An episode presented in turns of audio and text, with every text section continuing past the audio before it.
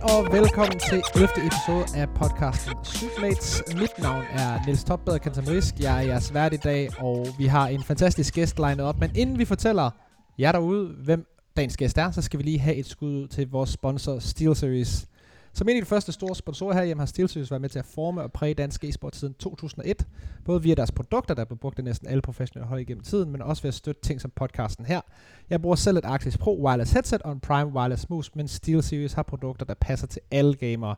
Så kæmpe skud til SteelSeries. Og skud ud til altså, dagens gæst, en, en, en tidligere spiller, en nuværende kommentator, all around en øh, fantastisk øh, positiv og nærmest smittende person at, at være, hvad skal man sige, i studiet sammen med, eller ude til event sammen med. Han har selvfølgelig haft en lang spillerkarriere med blandt andet Fraxos, hvor han var, har, har været holdkammerat og indgame leader for Stavn, en af de bedste spillere i den danske scene lige nu. Og så har han selvfølgelig også delt øh, altså en enkelt sæson sammen med mig, hvor han var stand-in, hvor jeg selvfølgelig var stand-in i playoff, det er klart. Torben han var kun stand-in i den regulære sæson, fordi den her ugens gæst er selvfølgelig Torben Jorden, a.k.a. Nikolaj Omorum. Velkommen til. Skrrr, skrrr. Hvad hilset, hvad hilset. Tak for en uh, sikkert en flot introduktion, du, du giver mig den, det må jeg sige. Hvad var det sådan en sæson, jeg var stand in? Det kan jeg slet ikke huske. Øh, sæson 31, øh, hvor du var stand in for Magnitude, der da vi, øh, da vi havde øh, guldsmeden Dragonfly. Nå, så øh, havde vi lidt line problemer og så hjalp du os i løbet af sæsonen, og så fik vi endnu mere line problemer til playoff, og så blev jeg nødt til at hoppe ind. det gik, det gik meget godt, kan jeg forestille mig. Altså, øh, vi tabte to overtidsmaps til SK Gaming, der havde Yampi dengang. Så, Nå, det er sgu da godkendt. Ja, ja. Altså, jeg tror, jeg droppede en masse våben, og så lavede jeg et 4K på et tidspunkt mod dem. Det var, det var det ikke tilfreds med. Men, øh, men sådan er det.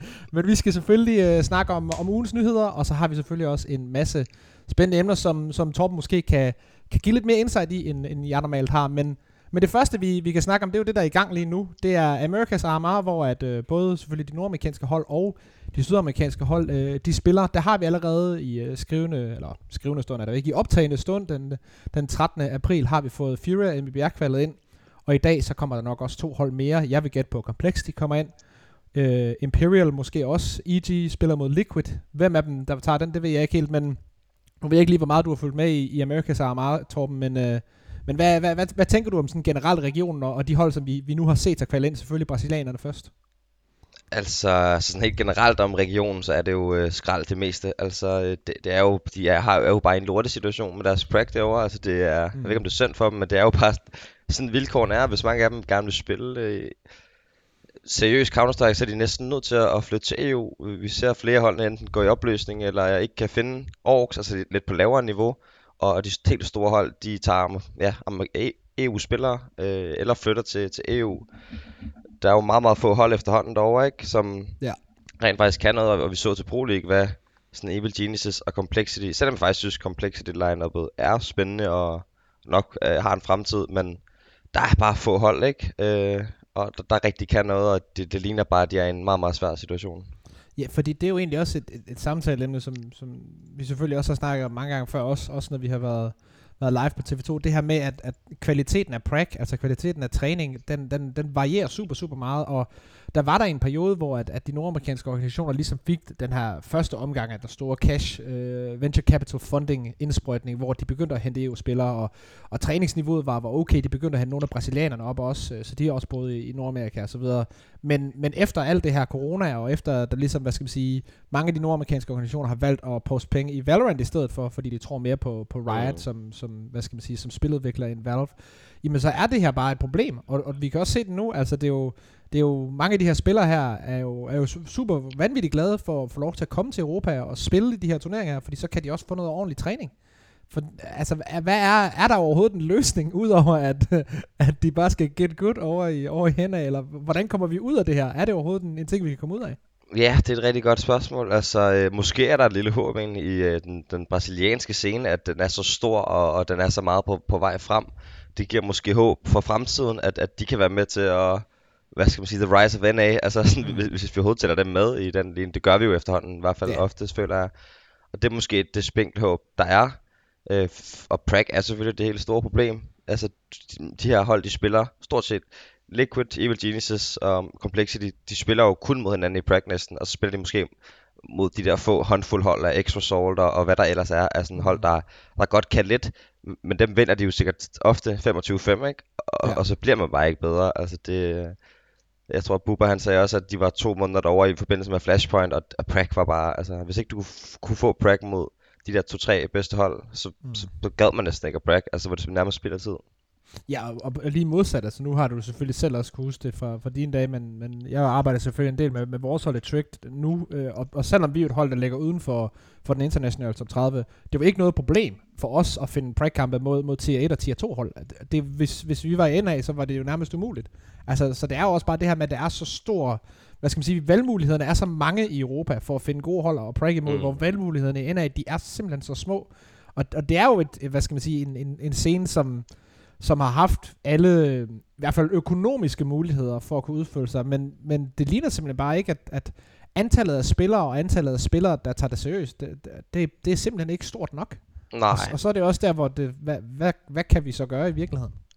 Ja, så er der jo et eller andet sted heller ikke penge nok til at, at sørge for, at der er nok in-game leaders og nok holdstrukturer mm. til, at spillerne på et lavere niveau også bliver trænet, dannet og bedre på sigt. Det er jo derfor, vi, vi er så gode EU, og, og særligt Danmark også, at vi har de her, nu tror vi for eksempel Powerligaen på, mm. på TV2 Zulu forleden, det er jo det, der er med til, at, at, at, at ja, folk kommer til lands i en tidlig alder, er med til at blive bedre, så tager spillet mere seriøst, ikke? og det kan penge jo ikke købe. De kan jo ikke købe uh, en Barry, Haste, Insta, Hunden, alle de her indgamitter, som har breedet uh, spillere i, i flere år på, på det lavere niveau, ikke? Ja, og det, og det er også det i virkeligheden, som, som jeg også tit når frem til, når, når jeg tænker og, og snakker om det her, det er jo, at, at Ja, det, selvfølgelig er der, er, der, er der nogle økonomiske muligheder, der engang var der i NA, som ikke er der længere nu, hvor de måske er større i, i, i EU. Men det handler også bare om, at hele det der græsrodsdel af scenen, den også skal være der. Altså, der, der er virkelig mange danskere, der spiller Counter-Strike. Altså, og på et rigtig seriøst plan. Du kan bare se Powerligaen med alle deres divisioner. De går helt ned i 4. division nu, og jeg ved ikke, om der er to eller tre 4. divisioner og 3. divisioner. Altså, der ja, det er, fedt. vanvittigt mange hold jo. Men ja, det er virkelig det er, fedt. Det eksisterer ikke i NA. Altså, det gør det simpelthen ikke. Altså, der er ikke nogen liga, hvor de spiller med i. Hvor, altså, de spiller det her i SEA, og der er den gode gamle også, at, at, at i SEA i, i Nordamerika, der kan du spille i den, i den bedste SEA-division lige under Pro League, og det er jo det samme som at spille sådan midt-tier SEA Advanced i Europa, fordi niveauet er så lavt. Altså, det er jo... Det, det, der er bare ikke nok hold, og der er ikke nok græsrodsscene, altså under til ligesom at, at, at bære det, og, og den ved jeg ikke helt, hvordan de får bygget. Øh, det, det har jeg sgu lidt svært ved at se på den, på den helt lange bane, hvilket egentlig er lidt ærgerligt. Ja, ja, helt vildt. Altså, hvis man bare går ind på HLTV's regional rankings og kigger på, på NA, altså, du, du skal ikke bare mere end et par pladser ned, så kender man simpelthen ikke holdene. Altså, så bliver det sådan noget uh, Carpe Diem på femtepladsen, uh, Party Astronauts på tredjepladsen, som nok vil være ukendt for de fleste også. Jamen, og de Bad spiller jeg en Ja, ja, præcis, ikke? og, og, og, der er det jo bare synd, at det, det 10. bedste hold i, Dan- i Danmark vil, vil, vil klaske det 10. bedste hold i, i, i NA, når man tænker på, ja. altså, hvor stor en forskel der er i antal mennesker og penge. Ikke? Altså, det er bare en skævvridning i det, i det lige nu. Det er i hvert fald et problem, der skal, der skal håndteres øh, i, i, i fremtiden for, for den nordamerikanske scene. En anden ting, som vi også lige kan tage med, som også struggler lidt lige nu, men på en eller anden måde mere historisk også har strugglet lang tid. Man skal nærmest helt tilbage til, til 1,6 dage før, at, at Asien virkelig var, var relevante i, øh, i toppen af Counter-Strike, og også havde en scene, der, der var noget værd. Men der er stadigvæk den her Asia Armar. Der er, der er fire hold, der deltager, og, og, og, og hvis vi giver LFO Looking for Ork lidt respekt, så kan vi godt sige, at der er tre hold, der kæmper om de to pladser. Øh, det, det sidste hold, øh, det her hold fra Mongoliet, som der kalder sig, har jeg simpelthen aldrig hørt om. Jeg har nævnt det en gang i podcasten før, jeg vidste ikke, hvilke nogle af de spillere var. Øh, Looking for Ork har været i Europa i et stykke tid, og jeg gætter på, at nu tilbage, øh, eller hvad skal man sige, har taget til Rumænien for at spille der. Øh, men, men altså, er det jo ikke bare Renegades og Tailu, som de sidste otte år nærmest kommer til at tage de her to spots? Jo, præcis. Og der, der er jo, hver gang der er de her RMR-turneringer eller, eller kvals, hvor der er de her spots fra, fra regionerne, så er der tit snak om, at det er unfair, at den ene region får så, så mange spots. Men man må også bare tage, tage med i baghovedet, at hvis scenen skal udvikle sig yderligere, også ja. til de andre regioner, så, så det er jo noget af det, der er alfa og omega for, at det rent faktisk er tilfældet, ikke? at holdene kommer med og får de her oplevelser, og tager dem med hjem tilbage til, til hjemlandet, har jeg lyst til at sige, og ligesom starter noget, øh, ja, ud, udvider sig, ikke? Øh, om mm. man vil. Det, det er nødvendigt og, og man kan også sige, det var også noget af det, der var med til, øh, hvis man tænker helt tilbage til Vox Eminor-dagene, tidligt i CSGO, da det her australske hold kom ind og, og virkelig grindede sig igennem, og, og, og også spillede sig op, blev så samlet op af Renegades, og, og spillede sig op, og, og begyndte at være med i toppen. Altså, vi skal da ikke mere end, end tilbage til ja, hvad var det, Berlin-majoren, før, før at Asser og gutterne, jeg kan ikke huske, om det var under 100 Thieves, eller hvem de spillede under dengang, at de nåede rimelig langt i, i turneringen, også nåede top 8.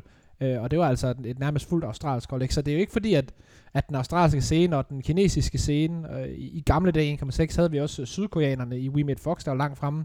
Det er ikke fordi historisk set, at, at den asiatiske og oceaniske scene ikke eksisterer, og der ikke er gode spillere. Det er bare lige nu ser det, ser det virkelig rough ud, fordi de der Looking for Org, altså de, de er altså heller ikke gode. Der, er, der, skal jeg, der, der må de gerne ringe og sige, hvis jeg, hvad skal man sige, unfair, men de kampe, jeg har set af dem, det er jo det, er jo det niveau, som, som mine drenge, de også spiller på, og de skal konkurrere med, når de er i Europa. Det er ikke noget, man er bange for. Altså, det er det ærligt talt ikke. Nej, jeg tror heller ikke, du skal frygte dit opkald. Jeg tror, de, det de går lige. De, de, de er vant til det. De er klar over det. Sindssygt, hvis de hører podcasten. Ja, det, det vil være vildt. Men, ja. øh, men nej, det, jeg, tror, jeg tror, det er, det er, det er Renegades og Tai Lu, som, som der igen må, må tage favoritværdigheden derover. Så må vi så se, om der er nogen, der kan overraske. Men, men, men jeg tror sgu ikke på det. En anden ting, som, øh, som der også er sket, som, som jeg kan faktisk sige, jo, du var, du var vel med, du, øh, du soppede vel ind til, øh, til lige præcis, øh, da Face de vandt øh, ESL Pro League på, på TV2 Zulu. Øh, I havde jo en, en fantastisk dag med, med Power League først, og så Pro League bagefter. Mm. Jeg gætter på, at, at, at du var på en af tingene. Jeg tror, det var den sidste. Ja, det er rigtigt. Jeg, jeg viste også Face, ja. Hurtige reaktioner fra, øh, fra den finale der, fordi at, at det var jo, hvad skal man sige, en, en, en stor ting for, for Finn, og igen at vise det der med, at deres, deres Katowice ikke var, ikke var en fluke, men, men også en, et, et, en fed turnering fra Ends, altså der går så langt og går så dybt. Ja, det er jo det, ikke? Det var øh, vinderhistorien for begge mandskaber i finalen, og selvom det nok er skuffende for Snappy lige nu, men mm. så er det jo en mega godkendt præstation af er på vej op. Og så på den anden side Face, det, det udvikler sig til virkelig til at være øh, en seriøs contender. Altså, det er fandme et, et, et godt hold, der styr på, på brækkerne, ikke? Altså sådan rollemæssigt passer det virkelig godt sammen. Robs passer jo perfekt en til en ja. ind for Olofmeister. Ellers har line været, været, været sammen længe, så der var styr på tingene, og så får de bare en opgradering på, på den ene rolle. Mm. Endda en opgradering, der er, altså, der, der, der, der er skrevet med en af den verdens, verdens bedste spillere lige præcis den rolle i Robs, så det ligner virkelig et hold, som, som skal være, ja, som kan dominere de næste mange turneringer, også med tanke på, Navi er, ja. er lidt væk, og mange, der er lidt problemer på, på mange af mandskaberne, ikke? hvor er G2 henne, øh, er de 100% fit for fight, skal Monacy have, have mere erfaring, og er DXB den rette caller? Man, man kan nævne mange hold lige nu, øh, som ikke er på, på 100%, og hvorimod Face, det ligner bare et hold, der er klar til majoren. Altså, ja. kan jo gerne snakke om den major i, jeg ved ikke hvor lang tid, og, og nu, nu er det måske den, det er jo faktisk den bedste chance for ham overhovedet. Jamen det tror jeg, altså vi, vi, skal, vi skal nærmest tilbage til, til den finale i Boston, hvor han selvfølgelig tabte med overtid på Inferno ja, okay. øh, i 2018. Ikke? Den, ja. den stod også selvskrevet, som om han skulle vinde den dengang. Ja, øh. Jeg vil sige, inden, inden majoren selvfølgelig begynder, nu skal de også lige kvalde sig og alt muligt, men, men, men det her i min bog er også, altså det er, det er mindst, hvad skal man sige, lige så, lige så gode odds øh, for, øh, eller dårlige må det så være, fordi de skal være rigtig lave. Der er en stor chance for, at Kerrigan og, og Face kommer til at, kommer til at være i en majorfinale, og måske også tage trofæet. Så, så det er jo super fedt. Og en anden ting, der er også, at det, det er, de er jo nummer et i verden nu på HLTV. Altså, fordi Navi har, har været et lackluster. Og så kan man så sige, er der andre eksterne ting, der påvirker Navi-spillerne lige nu, som måske ikke har så meget med sporten at gøre? Ja, selvfølgelig er der det. Så, og det giver god mening. Der er ikke nogen, der ikke kan forstå, hvilken... Eller det kan vi egentlig ikke, fordi vi er ikke i krig. Men, men der er selvfølgelig også nogle ting, der påvirker Navi-gutterne. Men det påvirker, hvad skal man sige, jo ikke Face. Face gør jo bare alt, hvad de kan, og de vinder alle deres turneringer, og de spiller for trinligt, så, så selvfølgelig er det, er det ærgerligt for, for Navi, men det er jo også bare en, en super, super fed ting, det her med, at, at Face nu er tilbage på, på førstepladsen. Altså det, øh, hvad var det der? HLTV, tror jeg, nu skrev en artikel om, at det var, for de var tilbage efter to år, eller tre år, eller hvad det nu var. Jeg tror næsten, det er fire år faktisk, hvis jeg ikke, hvis ja, jeg ikke husker præcis, forkert. Ja. ja, lige præcis. Første gang i fire år. Return to number one for the first time in four years det er, øh, det er altså vanvittigt, at, øh, at Finn Kerrigan, han lige når at være på førstepladsen, så bliver han sgu kigget, så tager han lige mouseboards, og tager han også dem op til førstepladsen ja. igen. Så bliver han lige kigget, eller skifter videre til, til FaceClan, så kommer de sgu tilbage. Altså, det, det kan fandme noget.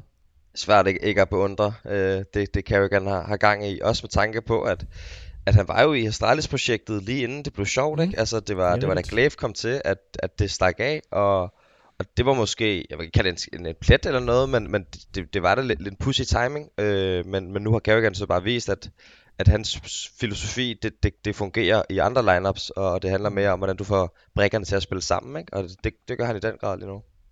Det er også en af de ting, som øh, da jeg havde Pimp Free podcasten og bad ham om at, om at sætte, hvad skal man sige, sit, sit danske dream team, så vælger han altså også øh, finde som, som in-game leader. Mest også fordi han siger, at, at, at, at, at Carrigan find, har den her, hvad skal man sige, evne til at komme ind på et lineup og så lave det altså til absolut max inden for 12 måneder. Altså han er, han er måske den, der er mest, hvad skal man sige, proven til at tage, tage et lineup, der, der er rigtig fint, men måske mangler det sidste, og så bare lige give dem det sidste skub. Og så er hans problem så, det er jo så det, vi skal finde ud af, hvis de vinder en major, om de så kan blive ved. Fordi det er jo det, der har været hans problem før med Face, og også med, med Mousesports, det her med, at han godt får dem derop af, men at blive derop, det har han svært ved. Og det var også noget af det, Pimp han sagde, at, at han ville måske så, så, så skifte ham på et eller andet tidspunkt, når, når det der eventuelle downfall kom. Men det er jo også en, en historie, som, som vi venter på, hvad skal man sige, at se sig udfolde nu, fordi nu har de vundet to turneringer. Der kommer en major, lad os sige, de vinder majoren. Kan han så holde det fast? Og, og det er jo så der, hvor din opinion kommer ind. Tror, tror du, han kan det? Tror du, han kan tredje gang og lykkens gang?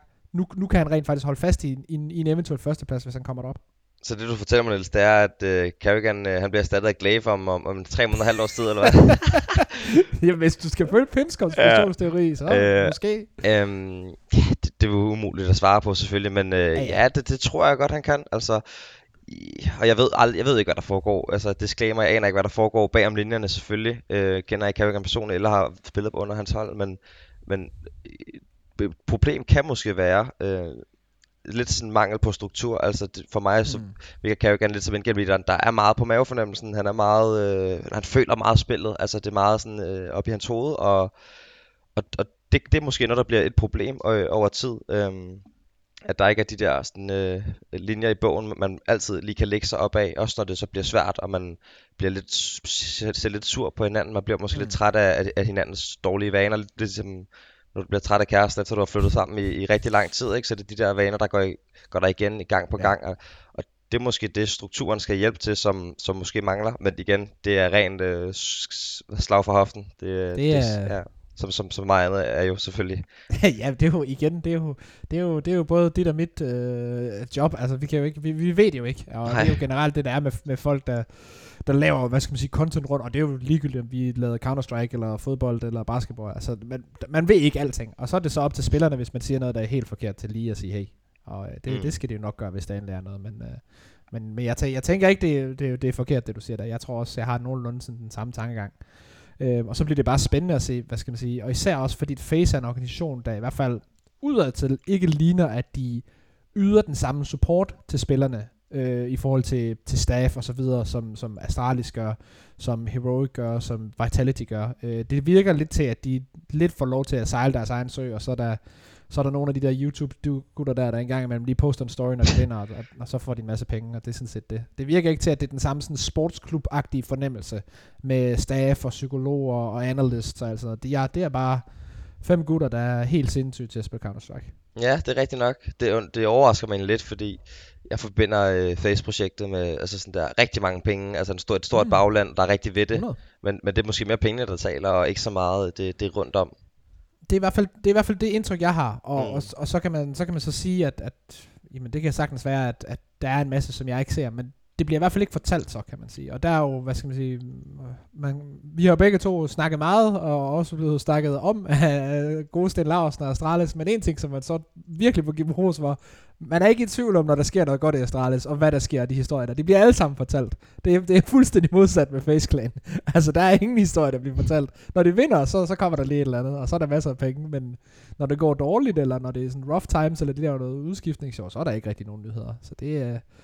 Det er, en, det, er en, det er en sjov år at følge i hvert fald. Ja, jeg synes også, jeg mindes også nogle, nogle semi-store skandaler i, i andre spil under Face-organisationen med spillere, ja. der laver lidt af hvert. Jeg tror, der, der er gang i den over. det, det er lidt sådan frat house. Ja, ja, virkelig. Det, ja, det er samme feeling, jeg. Det, det kan noget. Men, øh, men ja, det, det bliver spændende at se. De er, de er jo i virkeligheden et af de eneste firmaer, øh, som hvad skal man sige, er i e-sport, som proven over, flere, over en årrække har rent faktisk lavet overskud. Så et eller andet gør de rigtigt. Så det kan godt være, at vores tro om, at det hele skal være professionelt, og man skal have fem sportspsykologer, og diætister og alt muligt, at mm. i virkeligheden, så skal vi bare have nogle gutter, der bare spiller CS, og så skal der bare sælges en masse fucking trøjer, og det er det. det kan godt være, det er det, der skal til for at lave overskud. Altså igen, så vil jeg øh, nævne det, det med, altså med Carrigan før disclaimer, altså hvis ikke man reelt har, været, har prøvet det i, selv på egen krop, så ved man sgu ikke, hvad bidrager man hvad. Er, er det, hvor, meget, hvor vigtig er, er sportspsykolog, hvor vigtig er ja. diætist, hvor vigtig er alle de her ting, hvor god er træneren, altså alle de her ting, det er så umuligt at svare på, og det er jo igen også sikkert en menneskelig ting, det er sikkert forskelligt fra spillere og hold og organisation til hvad, hvad virker for dem. Og, og det er også en af de ting, der i hvert fald jeg synes, at det smukke ved, ved Counter-Strike og e-sport generelt, det er jo, at, at i sportsverdenen, i, i, i den traditionelle sportsverden, i, i fodbold og håndbold og alt det her, der har de en model, der er blevet udviklet over rigtig, rigtig mange år, hvor de har prøvet forskellige ting, og så har de fundet ud af præcis, hvad der, er, der fungerer til traditionel sport, og det er nemlig det her med diætister og sportspsykologer og alt det der. Det, det, det er sådan, det fungerer. Og der har vi jo kopieret lidt frem og tilbage, men der er ikke nogen grund til, at vi skal kopiere det 100%, fordi vi skal jo, øh, og vi ser som hele e-sportsbranchen, skal finde ud af, hvad det fungerer for os. Det kan sagtens være, at, at sportspsykolog er noget, der er mega vigtigt, men det der med, med at have en diætist med, det faktisk er fuldstændig ligegyldigt. Øh, det, det, det har vi ikke fundet ud af endnu. Det kan godt være, at det sagtens, det er, med, det er omvendt, og det, det er noget helt andet, der gælder, men, men det fede er jo, at, at vi finder ud af det on the fly, øh, og der er ikke nogen, der er ikke nogen årsag til, at til at vi skal kopiere noget. Vi skal jo kun tage de ting, vi kan bruge, kan man sige. Og det er jo også derfor, det er fedt nu for folk, der kommer ind også, især folk, der tuner ind på TV2, måske for første gang, og, og, og få lov til at se en sport, som er i udvikling. Altså, der, der kommer sgu ikke lige en ændring på, hvordan man kører en fodboldklub. Hverken når kampen er i gang, mm. eller, eller, eller hvordan klubben bliver kørt. Det kommer der ikke. Men hvis du tuner ind om fem år på TV2, og der stadigvæk bliver sendt Counter-Strike, så kan jeg love dig for, at jamen, der, er, der er et eller andet, der er fuldstændig anderledes. Ja, om det så ja, ja, ja. er sportspsykologer, eller om det er, at vi spiller 10 runder i stedet for, for 15 på hver side, eller et eller andet. Der er et eller andet, der kommer til at ændre sig, det er 100. Helt sikkert. Man ikke uh, været for at indføre et par nye bindegale våben, der skulle sælge dem nogle, nogle dyre skins, eller et eller andet vanvittigt regler om, der render et, et nyt tog ind igennem DOS 2, eller ja, der skal nok, uh, de skal nok finde på noget. Men det er jo også det, der, det, der er fedt ved det. Der, der sker konstant ændringer. Og det sker der også i, øh, i dansk CS. Nu ved jeg ikke, hvor meget du, øh, du følger med længere. Du har jo selv været, været en del af, det segment i, i scenen, men nu hvad skal man sige, arbejder lidt mere med, med Tier 1-konkurrencen. Men der er altså kommet den her nyhed ud fra Ecstatic, øh, Danmarks, øh, hvad må det så være, øh, anden, fjerde bedste hold øh, lige nu. Øhm, hvor at øh, Wolfie, den amerikanske spiller, der selvfølgelig er opvokset i Sverige, så han, han snakker svensk, det er ikke fordi han bor i USA eller, eller sådan noget. Han er blevet bænket. Øh, der bliver ikke sagt noget om Fascher, deres hollandske spiller, men, men rygterne siger, i hvert fald hvad jeg har hørt på vandrørene, det er, at øh, han er på vej til at blive solgt. Øh, så Ecstatic lige nu, øh, hvad skal man sige, på rygtebørsen, øh, tilbage med, med tre spillere, alle tre danske, så deres to udlændinge, øh, enten på bænken eller, eller på vej til at blive solgt. Det er, jo, det er jo meget spændende, fordi Ecstatic ligger og har ligget i de sidste øh, 3-6 måneder et rigtig spændende sted, hvor de har været inde i den her internationale top 20 og været op og snuse til de største turneringer. Og hvad, hvad tænker du om, lad os sige, at, at, at, at rygterne holder, holder, holder, holder vand, og at de her to internationale spillere, de ryger af holdet, enten salg eller andre årsager, og så måske muligheden for et fuldt dansk liner for Ecstatic? Altså det er i hvert fald en, en hård pille at sluge, uden tvivl. Øh, at skifte ikke bare en, men to spillere, og så også de to spillere, som... Nu ser jeg ikke alle Ecstatic kampe, så jeg har ikke super meget øjentest på, men, mm. men statsene fortæller i hvert fald, at de gør det rigtig godt på det lineup. Ja. Øh, og der var jo den der, der var en periode med, med Trace på coachen, og, og de fem gutter der, der, så, altså, der virkelig, de, de, de gik en vej, og det var egentlig bare op. De havde rigtig mange overraskende opsæt. Øh, det er et rigtig hård pille for dem at sluge nu, at skulle miste to. Det, altså en, en AVP-spiller der blandt, og en stjerneriffel, det er altså noget, som, som altså, det er et helt nyt hold øh, ja. i morgen, hvis, hvis det er tilfældet, og så, så må, må vi se, hvor langt de kan gøre det. Det, det er i hvert fald en... Øh, at det, det er svært at komme ovenpå, og respekt, hvis de kan fortsætte, lad os sige, i top 30 øh, ovenpå det. Ja. Det, det, det er svært ved at tro lige umiddelbart. Jeg tror, at de skal to skridt tilbage og se, om de kan tage tre skridt frem bagefter. Og så kommer jeg jo så, hvad skal man sige, med, med sådan, to rigtige journalistspørgsmål, sådan nogle åbne spørgsmål, hvor, at, hvor du så enten kan få lov til at sige, det kan jeg overhovedet ikke svare på, eller det, det kan jeg måske svare på. Men Fasher, rygtet er, at han er til salg. Spørgsmålet er, hvem, hvem, hvor skal han hen? Hvor, hvor tænker du, han kunne, han kunne komme hen? Fordi at det, det virker jo for mig lidt mærkeligt, at, at for nogle af de store hold at skulle købe ham så tæt på en major. Ja, det er rigtigt. Altså, ingen idé, for at være helt ærlig. Altså, hvis man tager et hurtigt kig på, på HLTV, så vil man jo formode, at det er et hold, der, der ligger over øh, mm.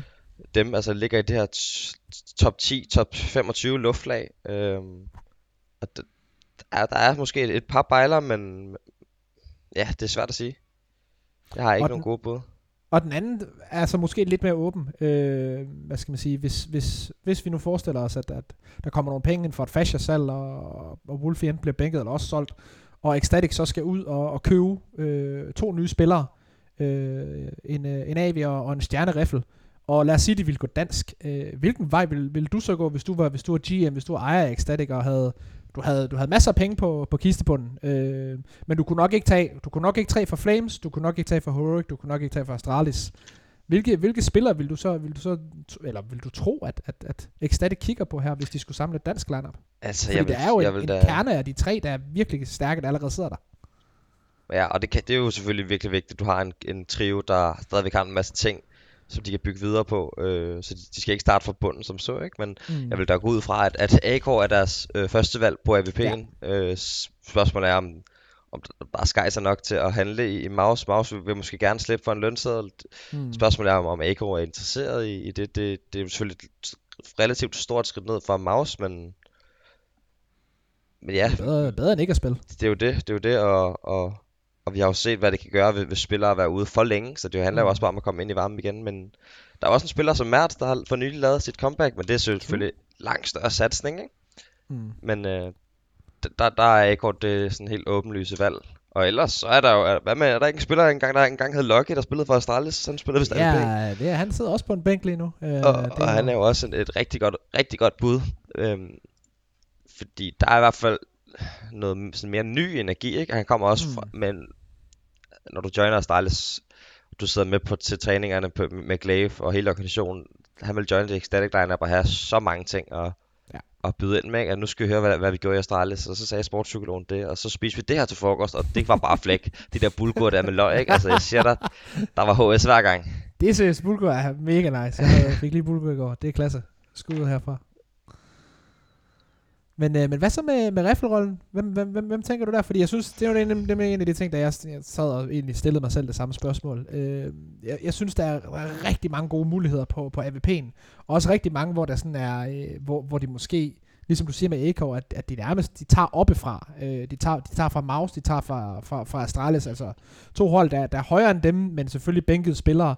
Øh, men, men på riffel, riffeldelen, der, der havde jeg lidt svært ved at, ved at sådan tænke på en spiller, hvor jeg tænkte, ham han vil være perfekt, hvor de, hvor de virkelig ville, ville stadigvæk kunne være med op i top 20. Det synes jeg var lidt svært.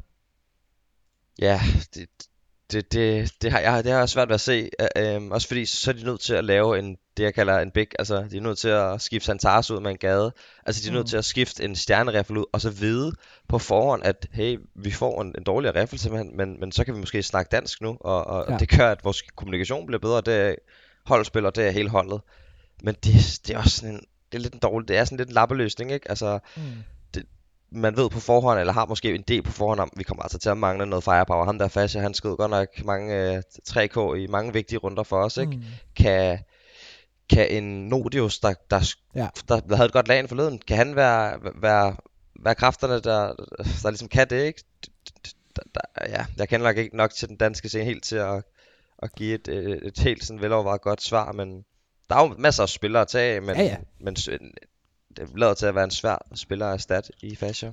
Ja, det er, det er nemlig også det med, der er min tanke, det her med, at der, der er masser af, af gode spillere. Der er masser af gode riffelspillere, du vil kunne hente fra, fra et lavere niveau, hvor, hvor, hvor Nodio selvfølgelig som, som stand her vil, vil ligge godt til, eller måske nogle af de, ja, hans tidligere holdkammerater fra, fra, fra AGF, der ligesom er blevet lukket ned der, der vil være, der vil være stærke muligheder, men det er jo det der med, at du skal erstatte en spiller, som er rigtig god. Og lad os sige, Fasha, han får skridtet op til, I don't know, OG eller et eller andet andet hold, altså lignende. Altså, det er jo, det er jo en, en spiller, som, som, som så lige pludselig siger, "Nå, okay, han kan godt spille op på top, top 15, top 10, ikke? Altså, så skal du finde en erstatning for ham i den danske scene, hvor at du ikke kan tage fra Flames for eksempel, og du kan ikke tage fra Astralis, du kan ikke tage fra Heroic, og du kan heller ikke tage nogen af de internationale. Så bliver du bare, altså, ikke noget ondt ord om, om de danske riffelspillere, men så skal du bare vælge noget, der på papiret i hvert fald lige nu er, er en nedgradering. Og det er altid svært. Det tror jeg altid ligegyldigt, hvilket seriespiller du spørger på ligegyldigt hvilket niveau. Hvis du skal sådan sige til dem, okay, vi kan, vi kan ikke få en, der er lige så god. Nu bliver vi nødt til at vælge the best of the rest. Der tror jeg ikke nogen seriespiller, der sidder og tænker, det er mega fedt det her. Alle vil jo altid gerne have den bedste mulige altså, teammate og, og, og de bedste spillere på holdet, så det er, det er sgu bare svært. Det er jo det. Det er der, jeg, jeg har selv prøvet det dengang i Fraxis, da vi skulle finde en, en erstatning for, for, for Bubski, fordi han, Mm. han øh, var nødt til at gå ud i en kort periode med, for at fokusere på, på andre ting. og, ja. og det var jo bare, vi ved, vi vidste jo godt, hey, vi finder ikke en spiller, der er lige så god som, som Bubba lige nu. Der er ikke nogen åbenlyse valg, så må vi tage et, et skridt ned. Mm. Og det er jo, ja, det, det, føles, det føles super træls for at være ærlig. Det er, altså, man, man er nødt til at tro på det, ikke? Man er nødt til at tro på, at så kan vi vinde på nogle andre parametre. Ja, lige præcis. Øh, øh, som kommunikationen i Big, du, altså, det er et godt mm. eksempel på det, men, men det, der er ikke mange gode eksempler på, at det lykkes til sidst. Dog så slår Bird from Skymer som typen, der, der kender den danske scene rigtig godt. Jeg kan ja. godt forestille mig, at han spiller en hel masse facets med, med Gud og hver mand. Talenter som gamle spillere, og, og så hvis han, om nogen har et godt indblik, så kunne det nok være en mand som ham, kunne jeg forestille mig. En anden øh, ting på rygtebørsen, som, øh, som er, hvad skal man sige, helt hot from the presses, og som er modsat det, jeg har hørt om Fasher, det her det er, det er ren konspirationsteori, men jeg synes, det var sjov øh, at, lige, at lige at tage med. Også fordi, at du måske øh, ikke har insight i sagen, men har insight i, i, i noget af, af det, som det som er med her. Det er jo, at der var den her kvalifikation, øh, IEM Dallas kvalifikation, der, der bliver spillet lige nu, øh, hvor Flames i første kvalifikation var, var rigtig, rigtig tæt på. Tabt til øh, eSports Klub Kiev, tror jeg. Jeg kan ikke huske, hvem det var, de tabte til i den afgørende kamp. Men en ja. af de ting, som jeg lagde mærke til, øh, som jeg også havde folk, der, der skrev lidt til mig og sagde, sådan, er det ikke lidt mærkeligt det her? Det var, at øh, fire af spillerne på Copenhagen Flames, udover Røg, øh, han havde stadigvæk sit samle, samme gamle profilbillede, men de fire andre havde i løbet af det sidste stykke tid skiftet deres profilbillede fra et Copenhagen Flames logo til et eller andet, hvad skal man sige, tilfældigt logo. Øhm, og, og nu har jeg også lige været inde og kigge på, på profilerne, fordi det kunne sagtens være, at det var en bug i turneringens, hvad skal man sige, øh, grafikmaskine eller et eller andet. Øh, men Røg har stadigvæk et Flames profilbillede, og de andre i hvert fald, dem jeg lige kunne finde, som, som jeg havde på min friendsliste, havde et eller andet anime-profilbillede, eller hvad det nu folk nu skifter til. Så spørgsmålet er i virkeligheden, nu skal du ikke sige, hvis du, hvis du har en eller anden insight eller sådan noget, men, men generelt set, som, som spiller, betyder det der med Steam-billedet noget som helst? Er det noget, man overhovedet skal lægge noget ind i, eller er det fuldstændig lige meget? Øh, jeg vil sige begge dele. Altså igen, der er altså eksempler på, hvor at, altså, det, kan på, det kan være spillerens måde, at du, han får at vide, hey, du har mundkur på, du må ikke sige noget, men, men, men de, hey, jeg må da gerne skifte logo, hvis jeg har lyst til det, ikke? Altså, ja. så, så, det kan være sådan spillerens måde at ligesom reach out, eller, eller ja, videregive information, men det kan også være, altså, det kan også bare være det modsatte. Måske har de siddet til en team practice. Hey, skal vi ikke lige troll? Så kan det være, at Risk snakker om det i podcasten her på lørdag. Øh, og, og, og, og Røg beholder logoet. Hvis man går ind på Røgs Twitter, så, så, så, så, er man også, så ved man også, at det er en mand, der, der, der måske ikke tager tingene så seriøst, eller altså går op i, i formaliteter på den måde. Øhm, ja. Men ja, der, der, har der, været, der har der været snak i krone om, om, om måske salg. Jamen præcis, og det var, det var det, der var, og det, og det er jo, hvad skal man sige, øh, relativt offentlig viden, det her med, at Complexity, de ville, de ville gerne købe dem øh, inden majoren og i løbet af majoren. Og så, hvad skal man sige, efter majoren, så, så løb det så ud i sandet. Øh, og, og jeg vil jo så også, hvad skal man sige, på, på rygtebasis, at, at Røg også havde andre tilbud. Der også nogle få andre spillere, der også havde andre tilbud ud over Complexity. Øhm, men, men det er jo så også lidt, hvis man skal blive i konspirationsteorien, og, og, og hvad skal man sige, og, og, og lad os sige, at det her det er rigtigt hvorfor i alverden er det så Røg, der bliver tilbage? Altså, fordi det er jo, i mine øjne, der er rigtig mange gode spillere på det her Flames lineup, men, men Røg er i min optik klart den bedste. Så hvis man skulle sælge en spiller, hvis der er nogen, der ville købe en spiller på Copenhagen Flames, så ville det klart prioritet nummer et være, være, være Røg, og så måske Nikodos som, som et tæt anden plads. Så det er også derfor, jeg tænker, at det, det, det er fandme mærkeligt, fordi at hvis, hvis jeg var en udenlandsk organisation, der skulle lave en udskiftning, så Røg jo den spiller, jeg vil købe. Det kan være, at Flames har vundet Eurojackpotten, ellers, og de sælger de andre fire der, bum bum bum, og så investerer de bare stort nu i uh, fire, okay. fire holdkammerater til Røg. Det er, okay, det, det havde jeg slet ikke tænkt på. Det, det er jo også en mulighed. Altså, når vi, når vi har konspirationshatten på, så kan alting ske. Ja, det er det. Så, øh, så. igen vil jeg, vil jeg nok ikke gå for meget i, i dyb med, med, med lige præcis øh, logoerne her, men hey, hvem ved, hvad der sker i morgen? Ja, det er i hvert fald øh, en, øh, en sjov lille nyhed, og der har jo været hvad skal man sige, potentiale for, for salg før, men øh, hvis, hvis der sker noget, så håber vi selvfølgelig for det bedste for både, for både Flames og, og spillerne. Det er jo altid øh, en, en kaotisk proces, sådan salg der. Men øh, det var det for nyhederne i den her uge her. Nu skal vi over og snakke om nogle lidt mere specifikke emner til Torben. Vidste du, at SteelSeries Arctis Pro Wireless er komplet trådløst? Ingen ledninger, bare et hurtigt skifter batteriet, og så har du 12 timers gaming uden ledninger. Velkommen til uh, anden del af programmet her i podcasten Sygt Mates. Vi har selvfølgelig stadigvæk Torben i orden. Eller bare Torben. Eller Nikolaj. Eller, ja, hvad var det med ellers? Man, man skulle bare kalde dig Henning, eller et eller andet, du sagde tilbage i de gode gamle dage. Øh, det, med i dag. Og, det er alt sammen godt. alle navne er gode navne. Øh, men der er nogle, nogle, nogle, nogle emner, som der ikke rigtig har så meget med nyhederne, som jeg også gerne vil snakke med dig om. Og den, og den første ting er måske ikke, ikke så meget med dig at gøre, men det er en ting, som jeg synes, vi også skal nævne alligevel, det er, at, at HLTV, de fylder, altså hjemmesiden hltv.org, fylder 20 år. Og, og så kommer min, min, min snak lidt ind på det her. Der har virkelig været mange forskellige sider i løbet af, hvad skal man sige, min i hvert fald tid i Counter-Strike. Men HLTV har været der lige siden starten. Det er jo fuldstændig vanvittigt at tænke på, at, at det er jo 20 år gammelt. Altså, det, hvor gammel er du er, Torben? Det er jo ikke, du er ikke meget ældre end, det her hjemmeside, end den her hjemmeside. Nej, jeg er 26, så den, øh, jeg har kun en lille forspring. det, det, kan du huske første gang, du sådan begyndte at, at, at dykke lidt mere ind i det competitive Counter-Strike, og du begyndte at få øjnene op, hvor der var de her hjemmesider her, om det så var HLTV, eller Gaming.dk, eller Explain, eller hvad, hvad det nu var. Kan, kan du overhovedet huske den, den, den gang? Ja, det kan jeg godt huske. Jeg, jeg kan huske øh, i, i gamle dage i Source Gaming.dk. Det, det var det, tror jeg, det første, jeg, ja. jeg, jeg brugte eller sådan besøgte sådan lidt regelmæssigt. Det er også, ja, det er jo så også et site, der slet ikke eksisterer mere, men, men, men, men vanvittigt. Og det er jo også, det er også en ting, der sådan, i hvert fald i, i this day and age, hvor at nu har vi jo selvfølgelig Zulu, og vi har den her Facebook-gruppe, og der er sociale medier, og der står eksisterer selvfølgelig også stadigvæk. Men, men for dem, der måske først følger med nu, øh, i tiden inden de sociale medier, i tiden inden Counter-Strike var, var på fjernsynet, i tiden inden Twitch også, øh, der havde vi jo de her sider her, og det var jo der, man levede. Altså, Gaming.dk, som du nævner, var selvfølgelig en hjemmeside, men det var også en, en Ventrilo-kanal, hvor man, hvor man kunne gå ind og, og mødes med alle folkene i scenen, og dengang var scenen jo ikke mere end måske en 500 mennesker. Så, så det var bare, altså det var stedet, hvor man, hvor man hæng, hang ud også. Og det samme var Explain øh, for dansk CS 1.6 øh, og HLTV for international. Det er bare lidt sjovt det her med, at, at alle de andre er, er døde, men, men HLTV, det kører sgu stadigvæk. Altså, hvad, hvad, hvad, hvad, hvad tror du, de har, de har gjort rigtigt? Altså, jeg, jeg tænker jo mest på statsene, men det kan godt være, at du har, du har nogle andre ting i, i tankerne. Nå, jeg tror da også, at det er især statsene, der, der er med til at sådan skille sig ud. Ikke? Altså, det er jo et enormt avanceret øh, altså, datasystem. Mm. Og, og, og et af nyheder, men, men jeg tror da er særligt, at det, det har tiltalt mange, det her med, at hvis vi samler alles præstationer og individuelt som hold øh, et sted, og så bliver det lig, ligesom, ja, hjemmet på en eller anden måde, ikke? Og jeg tror ja. ikke, man skal undervurdere, hvor vigtig HLTV øh, er og har været for Counter-Strike øh, som helhed både i, i tidligere og, og nu især mere end aldrig før.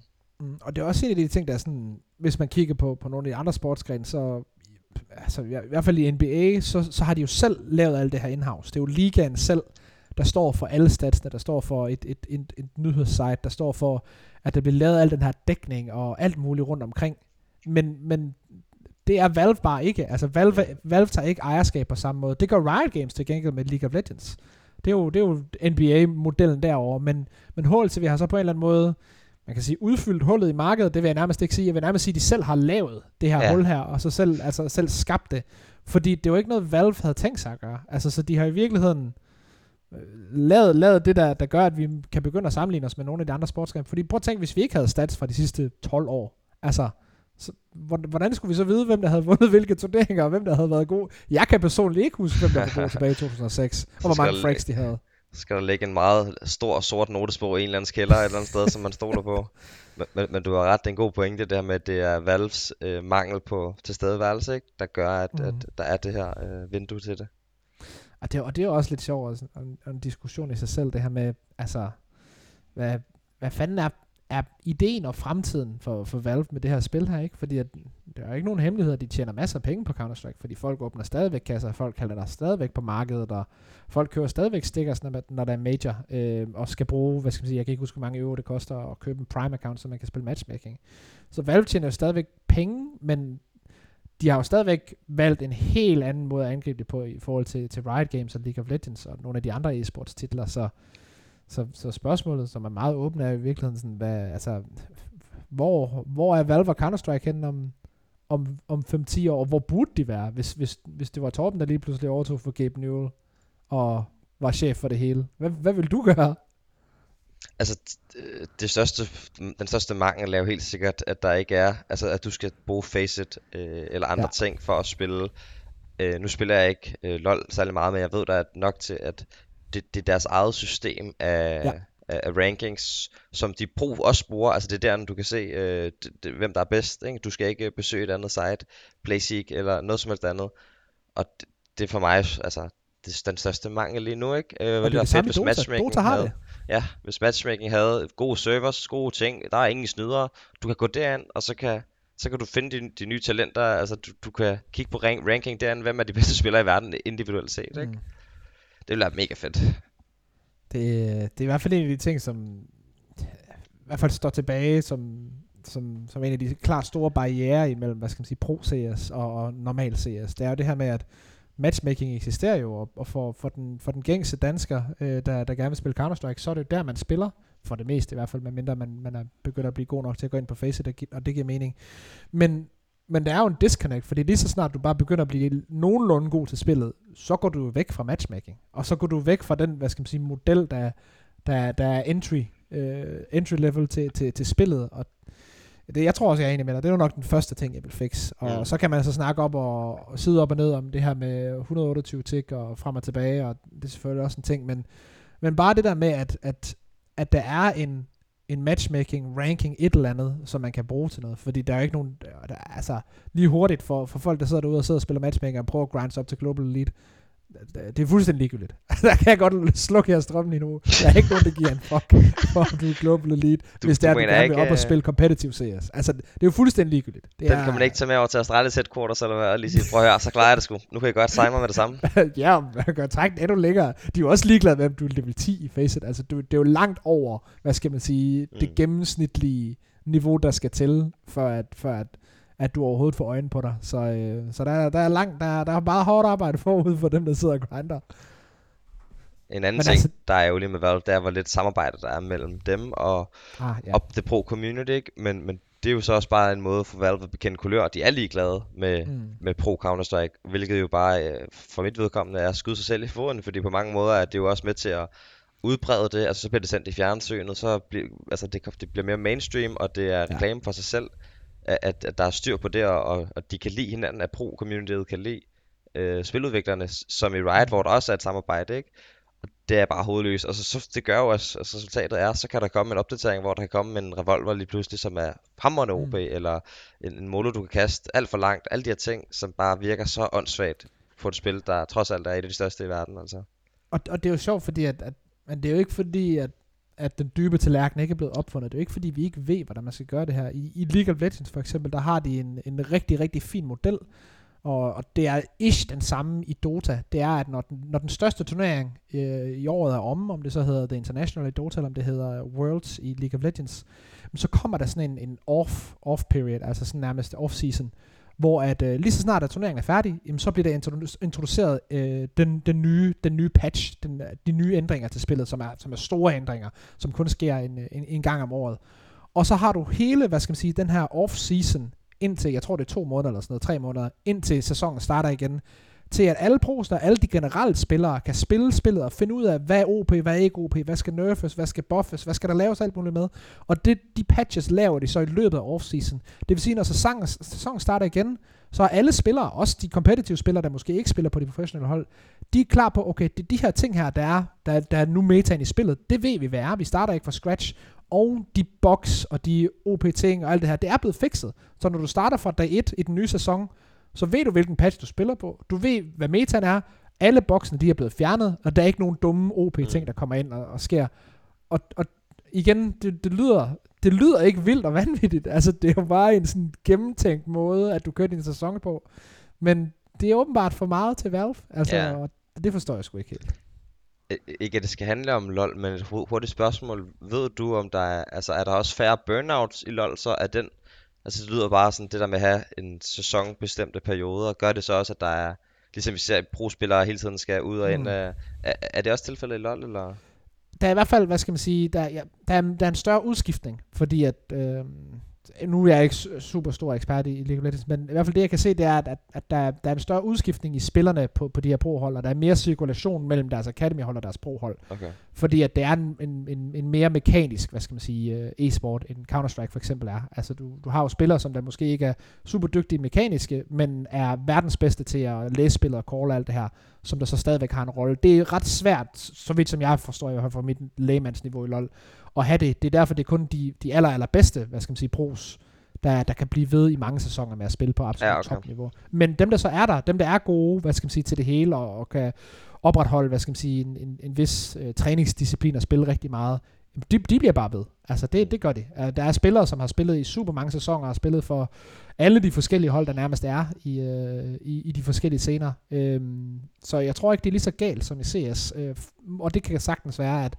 det er fordi, det er en sæson, hvor der bare er mere styr på det, og de er i et, i et miljø, hvor det er mere, hvad skal man sige, kontrolleret, fordi det er det her franchise-miljø, som, som Riot har skabt, så der er måske langt mere kontrol og langt mere styr på tingene, end der er i CS, men til gengæld så er der så også langt, mere, langt mindre frihed til at gøre alt muligt gøjl. Mm. Men det er i hvert fald en spændende måde at, at opbygge, et, opbygge et spil på, og det er jo og det er også det, man skal, man skal tænke på, når, når vi går fremad, fordi at, jamen, hvordan ser CS ud igen om de næste 10 år, det, det ved vi ikke. Og der er jo gode ting og dårlige ting med sådan en franchise-model. Øh, der er selvfølgelig også det, at der vil ikke være andre turneringer, end, end, end de ligaer, der så er. Der vil ikke være et, øh, et, et dansk lag, man lige kunne holde for sjov. Altså det vil, det vil man ikke få lov til. Så det taber man jo også, kan man sige. Ja, men, det, det skal vi ikke have, selvfølgelig. men, men, men mit håb er jo, at der kan på en eller anden måde laves en, en mellemting, hvor at, Ja. at det stadigvæk er åbent, men at Valve rent faktisk giver en fuck. Mm. Fordi det virker det ikke, som om de gør lige nu. Desværre. En af de ting, som, øh, som jeg også rigtig gerne vil, øh, vil snakke med Torben om øh, her i dag, det er jo en, en tidsperiode, øh, i både i, i Torbens liv, i, i mit liv og i dansk CS, øh, som man kan, hvad skal man sige, ikke skrive en overskrift på, men hvor der var det her hold, der hed, der hed Fraxters, som for dem, som måske ikke fulgte med i CS dengang, hurtigt kan forklare, det er det hold, som Stavn kom fra, øh, fra, fra Heroic. Øhm, og et hold, der, hvad skal man sige, prøvede at, at lave en ny model også businessmæssigt, så vidt som jeg husker, så, øh, så øh, de to, øh, de to øh, folk, jeg kan ikke huske, hvad det hed. Jeg kender dig, Goldie og Morten. Vogelius, Kenneth og Morten lige præcis Ja, det er rigtigt. der, der sagde det her med, at jamen, øh, de ville faktisk tage alle de indtægter, der var, der kom fra sponsorer, og så give dem til spillerne. Så spillerne fik ikke en specifik løn, men de fik 100% af alle de penge, der ligesom blev tjent i firmaet til at starte med. Hvilket var en meget interessant approach, og det ved jeg ikke, om det ændrer sig i løbet af projektet. Men sådan generelt for folk, der måske, øh, og det fungerer også måske som god intro til dig, Torben, sådan for folk, der ikke lige kender dig fra andet end TV2, hvad, hvordan startede hele det her projekt med Fraxters? Fordi I startede jo allerede, I havde jo holdet, men så blev I samlet op af den her organisation, og hvordan startede hele det, hele det koncept der? Øhm, ja, jeg kan selvfølgelig ikke tale på, sådan, hvad skal man sige, Fraxers projektets vegne. Mm. De havde også et line-up med blandt andet Borup og Ej, det er dansk rigtigt, øh, Neon lige en kort periode i, til, til Copenhagen Games LAN også.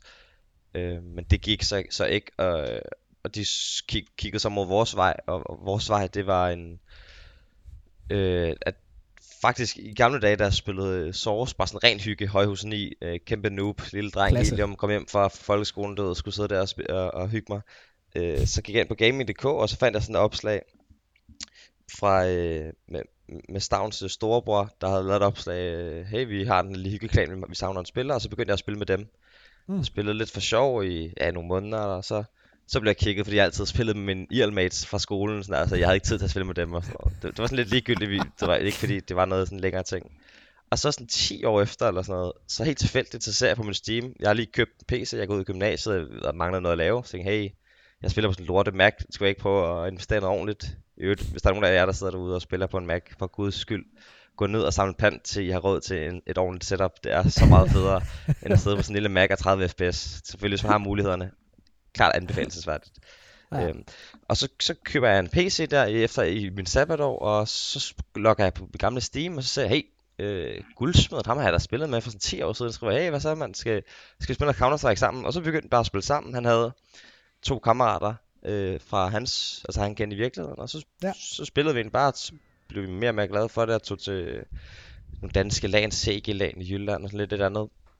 Powerland blandt andet også, og det var særligt ja. der, hvor at, øh, at Fraxters lod mærke til os, og selvfølgelig også lidt andet af Stavn, der var 13 år og ownede øh, store, store navne, ikke? Øhm, Ja, det var der, det var der hvor, hvor jeg og resten af, af Counter-Strike Danmark ligesom fik øje på jer for første gang til det der Powerland der, hvor, at, hvor at I og især Stavn overraskede alt og alle. Ja, og det, det sjove var, at øh, allerede der, der vidste vi godt, at Stavn ville blive en kæmpe stjerne. Altså allerede inden da, til, til, til det første land, vi var til CG-land, vi var lige ved at ryge ud sådan der i, i B-turneringen. Sådan der, og han laver sådan en vanvittig NV3 på Mirage, vi stadigvæk snakker om.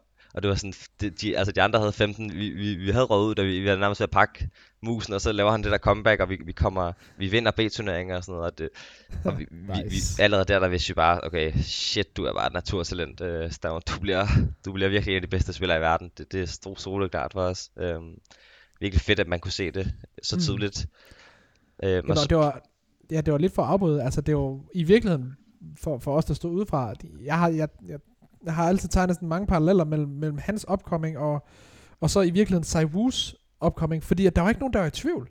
Altså man kunne bare se det. Hvis man vidste noget om CS, så kunne man bare se ham her, han bliver bare fucking syg. Han er allerede syg, men man kan, man kan bare se ham, at han bliver så god på et tidspunkt. Så er det bare spørgsmålet spørgsmål om, hvor lang tid det tog. Og så tog det arguably lidt kortere tid for Sai Wu at komme fra, fra hans start og så til, til hans absolutte topniveau, end det gjorde for Stavn. Men, men de er jo begge to nogle af de bedste spillere i verden i dag. Og der var ikke nogen, der var i tvivl, da de så dem første gang, at de her de kommer til at blive syge. Mm, I hvert fald i den, i den, i den danske scene med, med Stavn var det ret tidligt, at det gik op for folk. Um, mm. Men så joinede vi, vi uh, Fraxers der, de skrev til os og sådan, hey, uh, vi har set jer spille til det Powerlane og lidt af hvert. Skal I ikke have nogle, nogle små mønter for at, at, spille for os? Og dengang var det jo mm. kun, altså nu siger jeg kun, det var, vi synes, det var, jeg synes, det var fint. Det var også det, der gjorde, at jeg kunne retfærdigt over for mig selv ja, og droppe ud af uni, eller i hvert fald lægge det på pause, fordi okay, det, det her det er faktisk noget, jeg gerne vil, vil give et skud, øh, og nu der kommer ja. der rent faktisk lidt penge på bordet, men det kun er 2-3.000 kroner eller sådan noget, men, men den start, ikke? Altså de havde det, det koncept, du, du omtalte før, med alle penge, der kommer ind i organisationen, jamen de, de går til spillerne. Selvfølgelig skal vi også bruge lidt mønt på at sende jer til lands og det ene og det andet, men, mm. men som udgangspunkt, så får de ikke løn. De havde nogle fine stillinger bagved, så det var et meget passions øh, hobbyprojekt ja. for dem på kort bane, og håbede på selvfølgelig på, at på lang sigt det kunne blive noget, de kunne leve af i fremtiden. Ikke? Mm. Øh, men meget beundringsværdigt, øh, sådan, altså en måde at gøre det på. Øh, desværre så viste det sig bare, at de havde øh, sværere end de troede, tror jeg, øh, til at skaffe sponsorater i Danmark. Der er Danmark ja. trods alt så, så kun et lille, lille land, og, og North, og altså, jeg ved ikke om Astralis dengang, om det hed det, det kan godt være. Der, der var nogle mm. store mm. navne, som sad på mange af de store sponsorater, og sådan, så det var svært for dem at skrabe ting sammen. Øh, og så, så udvoksede vi dem lidt. Altså vi begyndte at klare det rigtig godt til til nogle, de få udlandske DreamHack Opens og Starladder og sådan noget. Og, og ja, så lige hvis man kan slå North for Big og Gambit på LAN, så vil man gerne have mere end, end 10.000 i løn, ikke? Øh, ja, fordi ja. Det, ja, og det var der også tilbud til, og så, så gik det lidt skævt derfra.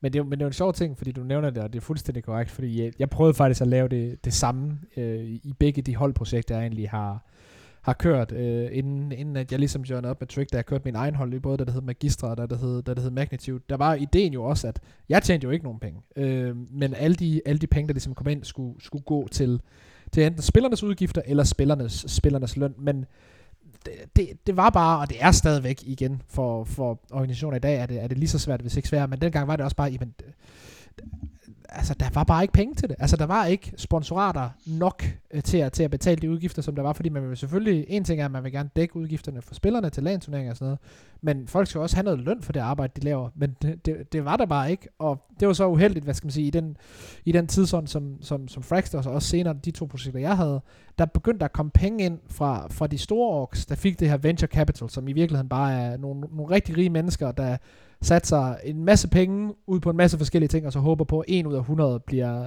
100 millioner værd, for eksempel.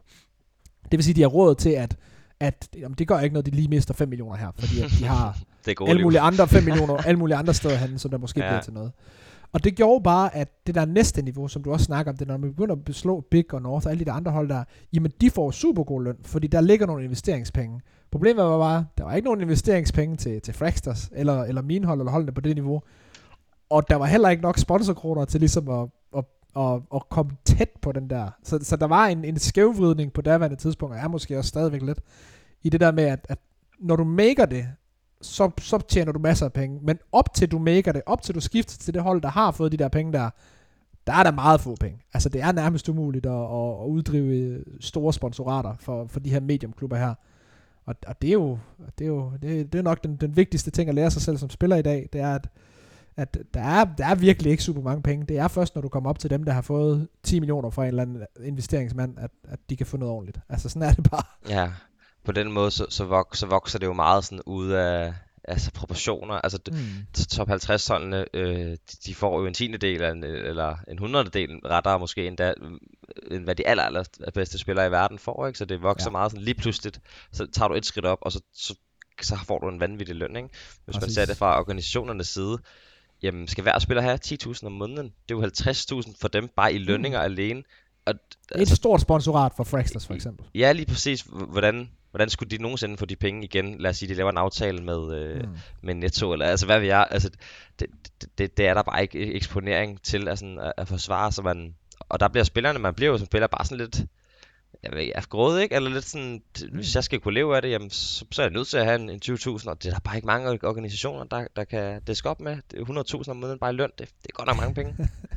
det er også det, man skal tænke på, det der med, at, og, det, og det er jo, der er, der er ikke nogen, og det skal jeg også, hvad skal man sige, sige for, for mit eget, det er jo ikke fordi, at, at man skal sidde og tænke, at man ikke er 20.000 kroner om måneden værd, fordi det er jo, for, altså når du arbejder fuldtid med noget, så er du de penge værd, det er der ikke noget om, men, men organisationer og hold er også en virksomhed. Det vil sige, at, at der er ikke bare penge, der kan, der kan komme ud af den blå luft. Og jo mindre, jo mindre et hold er, jo mindre penge har de til at investere i fremtiden. Øh, Astralis kan jo sagtens køre med underskud, og har kørt med underskud. De har ikke lavet overskud endnu.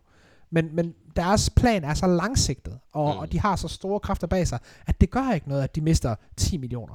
Men hvis, hvis Fraxters havde et lån til 10 millioner, så kan jeg love dig for, hvis de overhovedet har fået det, så havde de kigget på hver eneste krone og fundet ud af, hvordan du kunne bruge den bedst muligt, fordi at ja, det er ikke, bussen det er til ikke, ikke? Jamen, det er, ikke samme, det er overhovedet ikke samme løbebane, man opererer på, og det er også en, en super vigtig ting at, at konstant at, at have i mente, øh, både i CS, men for eksempel også i FIFA nu, hvor de har mistet deres e-Superliga, hele deres scene er i gang med at crash. Altså, tænk på den, den helt nemme, ved at jeg spiller for den her klub her, hvilken indtjening bringer jeg ind? Og, og hvis du ikke selv kan justify en eller anden form for løn, så kan klubben højst sandsynligt heller ikke. Og hvis klubben ikke er stor nok til at kunne investere i fremtiden, så, så, så er de penge der bare ikke, og så er det bare svært. Og så skal man bare regne med det der med, at det er først, når du skifter op længere op, at, at, at de store penge kommer. Men det, det kan også bare være svært, fordi hvis man sidder bare og grinder 60 timer i ugen og har gjort det de sidste to år, og man bare gerne, nu skal det snart betale sig, Jamen, det, det er fandme rough, altså.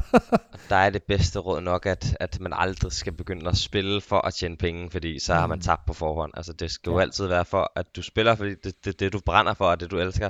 Du skal aldrig mm. nogensinde se det som en måde at, at tjene penge på, fordi så kører du også så kører du virkelig død i det. Hvis du begynder at, at sætte, sætte det over til timeløn, jamen altså, så, så, så kunne du tjene flere penge på at samle pant i, i lang, altså mindre du spiller på et, et virkelig godt hold. Altså, det, det, mm. man skal lægge så mange timer i det, og det skal være fordi du elsker spillet og, og intet andet. Og det er jo også, hvad skal man sige, det man kan se fra, fra, fra nogle af de andre sportsgrene. Det her med, at, at, der er jo også fodboldspillere, der, der grinder altså i, i mange, mange, mange år. Øh, I fodboldverdenen er Jamie Vardy fra Leicester jo et fantastisk eksempel, der der bare gik fra at spille på et eller andet helt øh, skøjet 5. divisionshold og ikke få nogen løn til at så lige så stille bare grind sig op igennem og i virkeligheden først, da han skifter til, til, til Leicester og får sin første pro-kontakt, at han overhovedet begynder at overveje det der med, at Nå jamen, det kunne være, at jeg ikke længere skulle bo i, hjemme hos mine forældre øh, og alt det her. Altså fordi at det har ikke været, det har ikke været pengene, det handler om for ham. Det har bare været, han vil bare spille, og han vil bare gerne spille fodbold. Ikke? Øh, så, så jo, selvfølgelig skal man, når man kommer op på et niveau, lad os sige som en, en Device, eller en Dupree, eller en Saiwu, eller en Simple, jo, så skal man begynde at tænke om, om sit eget brand, og hvad man har værdi, og hvordan man kan fastsætte resten af sit liv på, på den her karriere, man nu i gang bygger. Men, men op til, at man laver det der skift der, så, så skal man ikke tænke på det. Det er du fuldstændig ret. Det tror jeg er et rigtig, rigtig godt råd generelt. Ikke kun til Counter-Strike-spillere, men til alle mennesker, der har en eller anden form for passion, om det så er en sport eller et eller andet andet. Du skal gøre det, fordi du synes, det er fedt. Og, ja. og så hvis pengene kommer, så kan du tage det problem, når du kommer til det. Ja, og pengene kommer øh, langt størstedelen af gangene. Oftest kun fordi, at du gør det, fordi du synes, det er fedt. Mm. Øh, hvis det er penge, du jagter, jamen, så, øh, ja, så står du det forkerte sted. det er præcis. En anden, øh, en anden ting, som, som jeg også gerne vil, vil have din lidt mere, hvad skal man sige, nedgravende opinion på i, i programmet her, det er også fordi, at, at vi har selvfølgelig snakket meget om ham allerede, og, og, og du snakker også meget om ham, og vi snakker også meget om ham, dengang da jeg var på TV2, men, men Stavn, hvad skal man sige, en spiller, som alle kender nu på Heroic, fordi jamen, han, er, han er så god, som han er. Vi har allerede snakket om ham. Men, men det er jo en, en spiller, som der har jo nærmest opvokset. Han er jo opvokset, og hele hans karriere er jo sket, hele, alle hans teenageår er jo sket, imens han spillede Counter-Strike. Og i virkeligheden nok en af de første, sådan, som man reelt kan sige, Altså fra han, han startede med at spille og tage det seriøst, jamen så vidste han godt, jamen der var en mulighed måske for, at han kunne leve af det. Mange af de pros, vi har i dag, er nogen, der startede med at spille, dengang Counter-Strike var mega småt. Altså Kerrigan er jo det perfekte eksempel. Mm. Spillede måske de første 60% af hans karriere og vandt nogle, nogle Keyboard. og cola til et land, altså ja. musemåtte, ikke? Hvor at Stavn er jo så ung, at han har på en eller anden måde kunne se muligheden nærmest fra starten. Det er måske ikke så stort, som det er i dag, men han har vidst, det var en mulighed fra, fra starten af. Så kan du, kan du fortælle lidt om sådan de der tidlige, tidlige år med ham, og, og hvordan, hvordan det har været at spille på hold med ham, og hvordan du måske har set hans udvikling? Og nu har du allerede snakket lidt om det i forhold til mm. Fraxters, men lidt mere specifikt ja. i forhold til ham.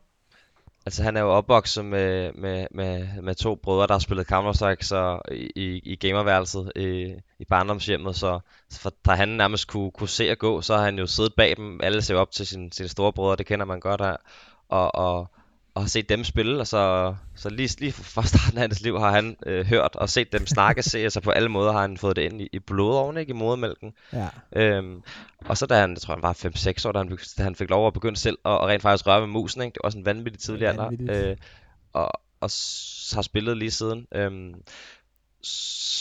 som holdkammerat, så er han, altså først og fremmest, så, så vil man nok highlight hans game sense. Uh, det ja. er på ingen måde hans aim. Altså, det, fordi alle har et godt aim nu om dagen. Men mm. det er en hans måde at læse spillet på. Han, han, han har bare sådan, ja, den der sjette sans, man, man, man så tit snakker om. Uh, rigtig god forståelse for spillet, og, og rigtig god til os at smitte af på holdkammeraterne. Om det så mm. er i uh, sådan mentalitet, uh, altså om det sådan er den der sådan winning mentality, hvor at altså nu gør vi fandme det her, nu skal vi fandme uden, uden modstander, eller om det er mm. inde på serveren, hvor den rent faktisk er bare god til at tage styring, sige, læse spillet, sige, timeout 14-14, okay, de spiller sådan og sådan, hvis vi gør det og det, så, altså, så er der en mulighed. Så det er sådan meget, meget all around, øh, en meget alsidig spiller, og kan spille AVP'en, og er rigtig god til at hjælpe med at call os.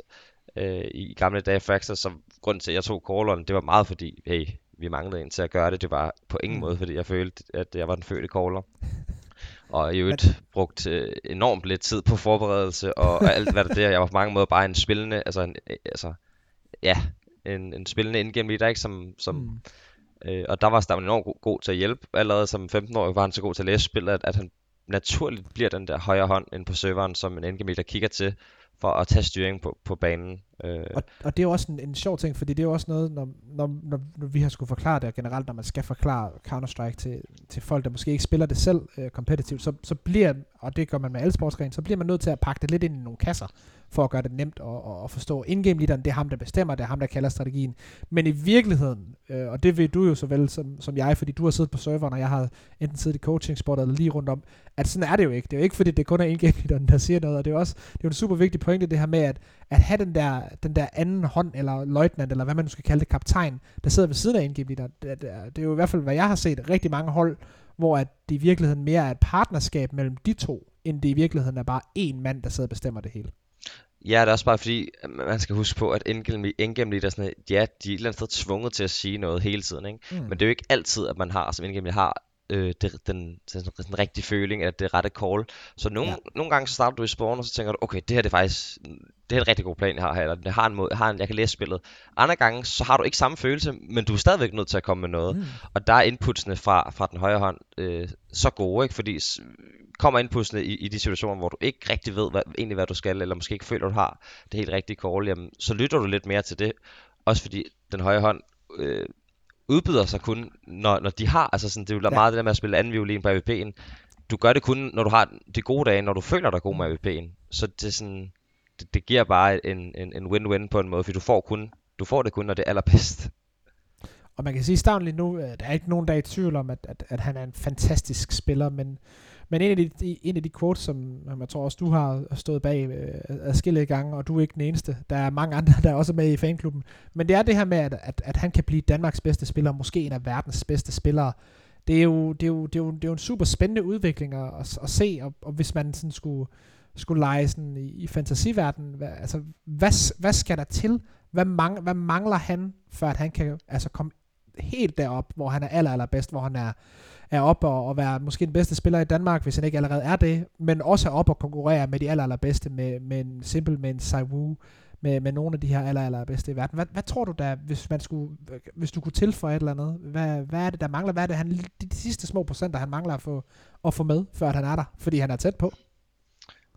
Ja, det, det er virkelig svært, når man... Øh, nu er det jo mange år siden, jeg selv spillede på hold med ham, og så er det, det, det er så svært at når man ikke er inde i maskinrummet ja. og ved, sådan, øh, når det går galt, hvad er det så? Er det, er det corner, der mangler at sige noget? Er det ham, der laver en fejl? Er det sådan, hvorhen er det? Men dengang jeg spillede på hold med ham, så var han i hvert fald øh, lidt for offensiv. Altså, fik to kills og søgte det mm. tredje, ikke? Ja. Øh, og det er jo den klassiske, øh, også og ting, der kommer med, med erfaring.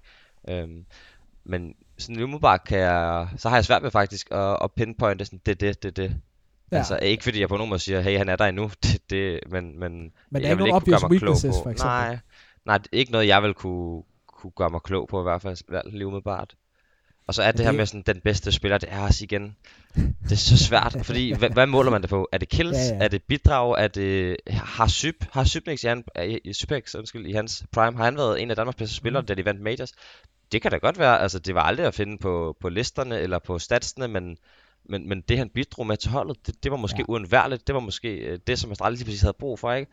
Og det, du kan godt høre den indgennem der snakker, fordi det, ja, ja, det, man, man bliver, altså, det er så svært at måle øh, på de her ting. Og udefra set, så, så, så ved man ikke, sådan, hvad er det, hvor vigtige er de her brækker, ikke? Og, og, og det, at de passer sammen. Og det, og det er også der, hvor man kan sige, at, at igen, øh, vende tilbage til det her med, at, Counter-Strike er stadigvæk en sport i udvikling, og især vores vurdering af, hvad der er godt, og især vores stats er noget, som, som der også er i udvikling. Jeg er sikker på, at uh, om det er HLTV, der opfinder et eller andet, om det er noget andet, der, nogle andre, der opfinder noget, men, men når vi kigger om fem år på, hvordan vi vurderer, hvor god en spiller er, så tror jeg, at vi har øh, nogle, nogle flere stats, nogle flere ting, som vi har med i en samtale, end bare den her HLTV 2.0 rating og ADR og alt sådan noget. Jeg tror, vi kommer til at have nogle flere ting, fordi at, at, at, at en af de ting, som, som jeg i hvert fald godt kan lide fra, fra basketballverdenen, det er det, der hedder, det, der hedder plus minus i forhold til, når spiller X er på banen, ah, hvor, ja. hvor godt er holdet rundt om ham. Altså vinder holdet point, når han er der, eller taber holdet point, når han er der. Og der kan du, der kan du lidt mere få at vide, om en spiller er, er god til at gøre de andre gode. Fordi det kan sagtens være, at du har en spiller, der scorer en masse point og laver en masse rebounds i basket, men hans plus minus er faktisk dårlig, fordi holdet omkring ham er mm. dårligere, når han er på banen. Det er en fed og, måde. Og, og det, er jo, det er jo en ting, som jeg savner lidt i CS, fordi det vil jo kunne sætte, og det er jo selvfølgelig, fordi vi ikke skifter ud, vi har de samme fem spillere på banen mm. hele tiden, så den er umulig, men, men hvis man kunne have den der, man kunne have en eller anden form for værdi for ham her spilleren, han gør simpelthen, at de andre er bedre, når, når de spiller med ham. Og det er igen umuligt med den måde, vi, vi har holdt lige nu. Men det er jo sådan en stat, den, den vil jeg elske at have, fordi så kunne man nemlig sætte en større værdi i for eksempel en Cipex, i for eksempel generelt indgame leader. Fordi ja. lige nu, der er Counter-Strike stats, det er meget på, skyder du modstanderne. Ja. Og, og det er jo klart, fordi det er det, spillet handler om. Men det er så meget mere end det, når du kommer op på det niveau. Fordi som du siger, alle på topniveau har et godt aim. Det er ikke det, der, det er ikke det, der adskiller dem længere. Mm. Jeg, jeg synes, den bedste oversættelse til Counter-Strike, det er, øh, tager, tager han plads på serveren, eller, eller mm. giver han plads? Og der er jo nogle spillere, som, som ja, bare fylder mere, kommunikerer ja. øh, dårligere og, og, og udnytter, eller sådan, ja, øh, stjæler mere frags på en eller anden måde. Altså bare, mm. Og så er, der, så er der andre holdkammerater, der, der kommunikerer, tager mere styring, er med til at sætte dig op, beder for dig. Der, der er så mange ting, som, som ikke viser sig på, på bundlinjen. Og, og det er jo også en af de ting, hvor at, det er svært at forestille sig lige nu, hvordan vi skulle lave en, en mekanisk statline, som der ikke skulle være baseret på en øjentest, hvordan vi skulle få den frem. Men jeg håber, det kommer, fordi at, at det bliver jo meget, hvad skal man sige, og det er jo der også, hvor, hvor din rolle især som, som ekspertkommentator, i hvert fald på, på den danske del, er super, super vigtig, fordi det er jo så op til dig at forklare, hvorfor det er, at de her spillere her, de rent faktisk er på holdet. Fordi når man kigger på statsene, så giver det jo ikke nogen mening, at for eksempel en Sipik stadigvæk er på Astralis. Men, men det, man ikke kan se på de stats, det er jo, hvor meget han tilbyder. Og vi er ikke med på Teamspeaken. Men, men, men det er en, en, en ting, der i hvert fald tror bliver vigtig i forhold til formidling af Counter-Strike de næste år gående fremad. Det der med at, at, at, at få fortalt den her historie om, at det er mere end bare de her stats, vi så snakker om. Fordi statsen er også nice. Det hjælper os at sammenligne med... Det hjælper os for eksempel til at sige, at Wu han har en rigtig dårlig sæson lige nu. Fordi ja. at vi ved, hvor god han er statsmæssigt. Og det er jo ikke forkert. Der er statsene jo rigtige, fordi dem kan vi bruge i hans rolle. Men det fortæller os ikke super meget om, hvad Apex gør. Øh, og det er jo også en fed storyline i forhold til, til Vitality. Og i forhold til nye udskiftninger, hvor meget kaos er det skabt, det kan vi ikke se ud fra statsene. Vi kan bare se, at Saivu han rammer ikke de skud, han plejer at gøre, og hans stats er generelt lidt lavere. Men, men alle de andre historier kan vi ikke rigtig afdække. Så jeg tror også, det bliver, det bliver super spændende at følge med i, hvordan vi ligesom kommer til at, som, som scener, som sport, kommer til at afdække det her. Og der, der håber jeg, at, at, at, at I får lidt mere, lidt mere hjælp, fordi ellers så, så, er det, så er det fandme rough, hvis du skal sidde der hver, hver kamp ud kamp ind og sidde og forklare igen og igen om, at det er sgu... Nu skal I lige huske, at indgame leader er altså også vigtigt, at alt ja. det her. Vitaly, det er også et rigtig godt eksempel på, øh, kommunikation er altafgørende. Altså det er mm. alfa og omega, du har en af verdens bedste spillere i Sai Wu, som kan gå fra at være øh, et bedst til at være middelmådig, udelukkende fordi, at de skifter, de skifter sproget. Altså det er, du får simpelthen ikke et bedre eksempel. Der er også øh, masser af fede ting på, øh, på bedring. Nu ved jeg selvfølgelig, at de på Zulu lige har, lige har dækket øh, Power League, og, og den var super fed. Selvfølgelig for mit vedkommende super ærgerlig. Det er jo så, hvad det er, øh, når, man, når man har trickfarverne på, og man ikke kan vinde. Det er jo som det er. Men øh, jeg tror ikke, I dækker den. Det skal du heller ikke selvfølgelig. Nu skal jeg ikke presse dig til at sige noget, hvis I, hvis I har et uh, announcement på bedring. Men der kommer den her turnering Gamebox op. Og om den bliver dækket af Zulu eller ej, eller om det bliver sendt på Twitch, det er sådan set lidt ligegyldigt. Det er super, super vigtigt for, for den danske subtop. Og det her LAN her kommer til at, hvad skal man sige, repræsentere øh, et, et, et retur for alle de her danske hold. Det er jo selvfølgelig Tricked, Ecstatic, øh, Los Reyes, Masonic, Astralis Talent, alle de her hold, som ligger og kæmper, hvad skal man sige, i virkeligheden om fjerdepladsen og dernede efter i Danmark. Fordi det er generelt forstået, at øh, Astralis og Rogue, de ligger og kæmper om nummer 1, Flamestein sikkert nummer 3. Ecstatic lige nu i lang tid har været nummer 4 klart, men over det sidste stykke tid med de her mulige udskiftninger, hvor ligger de hen? Det er der ikke rigtig nogen, der ved. Og dernede efter, så er der også relativt mudret. Jeg vil selvfølgelig sige, at Trick ligger nummer 5. Der er nogen, der måske vil have andre argumenter efter Powerligaen, og det er fair. Men nu har vi det her lag her, og med al respekt for Powerligaen, så er det ikke kun finalen, der er lagen. Det er alle de andre kampe, der er lagen også. Det er kampene indtil. Så nu har du selvfølgelig også en, en, haft en lang karriere på, på LAN, og det her, altså hvor vigtigt er det at, at få et LAN-event, der er mere end, end bare finalen nu, at vi rent faktisk har et, et, et, et fuldt, altså klassisk LAN-event nu endelig tilbage efter corona, hvor vi kan se styrkeforholdet på de her hold, der gerne skal placere sig som nummer 4, 5, 6, 7, 8, 9 og 10 i Danmark. Ja, så det er jo klart, at jo flere kampe man spiller, jo, jo, jo mere repræsentativt er det for deres niveau. Øh, spiller mm. man kun BO1, eller, eller kan du ryge ud efter en kamp, så kan man have en, en dårlig dag. Øh, du kan have et par dårlige runder, hvad ved jeg. Uheldig også, øh, kan man sige. Og så, så er du ude, så, så er klart, jo flere chancer du har for at vise dig, jo, jo, jo bedre et billede giver det af det, sådan, det, det faktiske niveau. Men hvem tror du, der kommer til at stå bedst, når, øh, når det her event er, er slut? Nu, øh, nu skal det selvfølgelig siges, det ved folk også godt, at jeg er selvfølgelig en del af Tricked. Jeg har ikke tvunget Torben til at sige noget. Og hvis Torben man siger, jeg tror, at Tricked vinder, vinder lanet. Jeg tror, at jeg, jeg, jeg, jeg, er bagbundet herude. Gud hjælp. Men sådan helt ærligt, altså, lad os sige, at, at, at, at, at Ecstatic deltager med, med, med Wolfie og, og Fasher, eller i hvert fald en lignende styrke, at de ikke, de ikke taber niveau, som man måske kunne forestille sig, de desværre ville gøre. Men lad os sige, at de spiller deres bedste CS. Altså er det, fordi det ville jo være min, hvad skal man sige, umiddelbare favorit til at vinde eventet. Det vil være Ecstatic. Og spørgsmålet er så, hvem de skulle spille mod i finalen, og hvordan den finale den ville gå. Men har du, har du måske en lille fidus til, til, til et af de andre hold, eller, eller hvor, hvor står du hen? Øhm, igen, jeg så meget ikke inde i den, i den danske scene på det niveau, men jeg synes, at Masonic-holdet er, er, er interessant. Ja. Så, så det, det, det vil jeg gerne nævne. Fair nok. Og det er også, altså igen, og jeg, jeg tror også, I, I fik det nævnt, øh, eller i hvert fald øh, din kollega fik det nævnt, altså Jensi er jo en, en super spændende spiller, mm. og, og der er, hvad skal man sige, hele det her skift, som de har lavet med, med, med, med Kabi, der er kommet ind, og hvem skal så call, og jeg kan ikke huske, om de faktisk var ude at sige, hvem det var, der callede, men så vidt jeg husker, så var det en rolle, der lidt florerede mellem et par spillere, og ikke rigtig efter min mening, har fundet en sådan naturlig øh, spiller at lande ved, fordi der er ikke rigtig nogen, der super gerne vil. Der er måske bare nogen, der bliver nødt til at gøre det. Ja, det hørte jeg også i Australis Talent. Det, det, mm. det, det vil jeg gerne befale.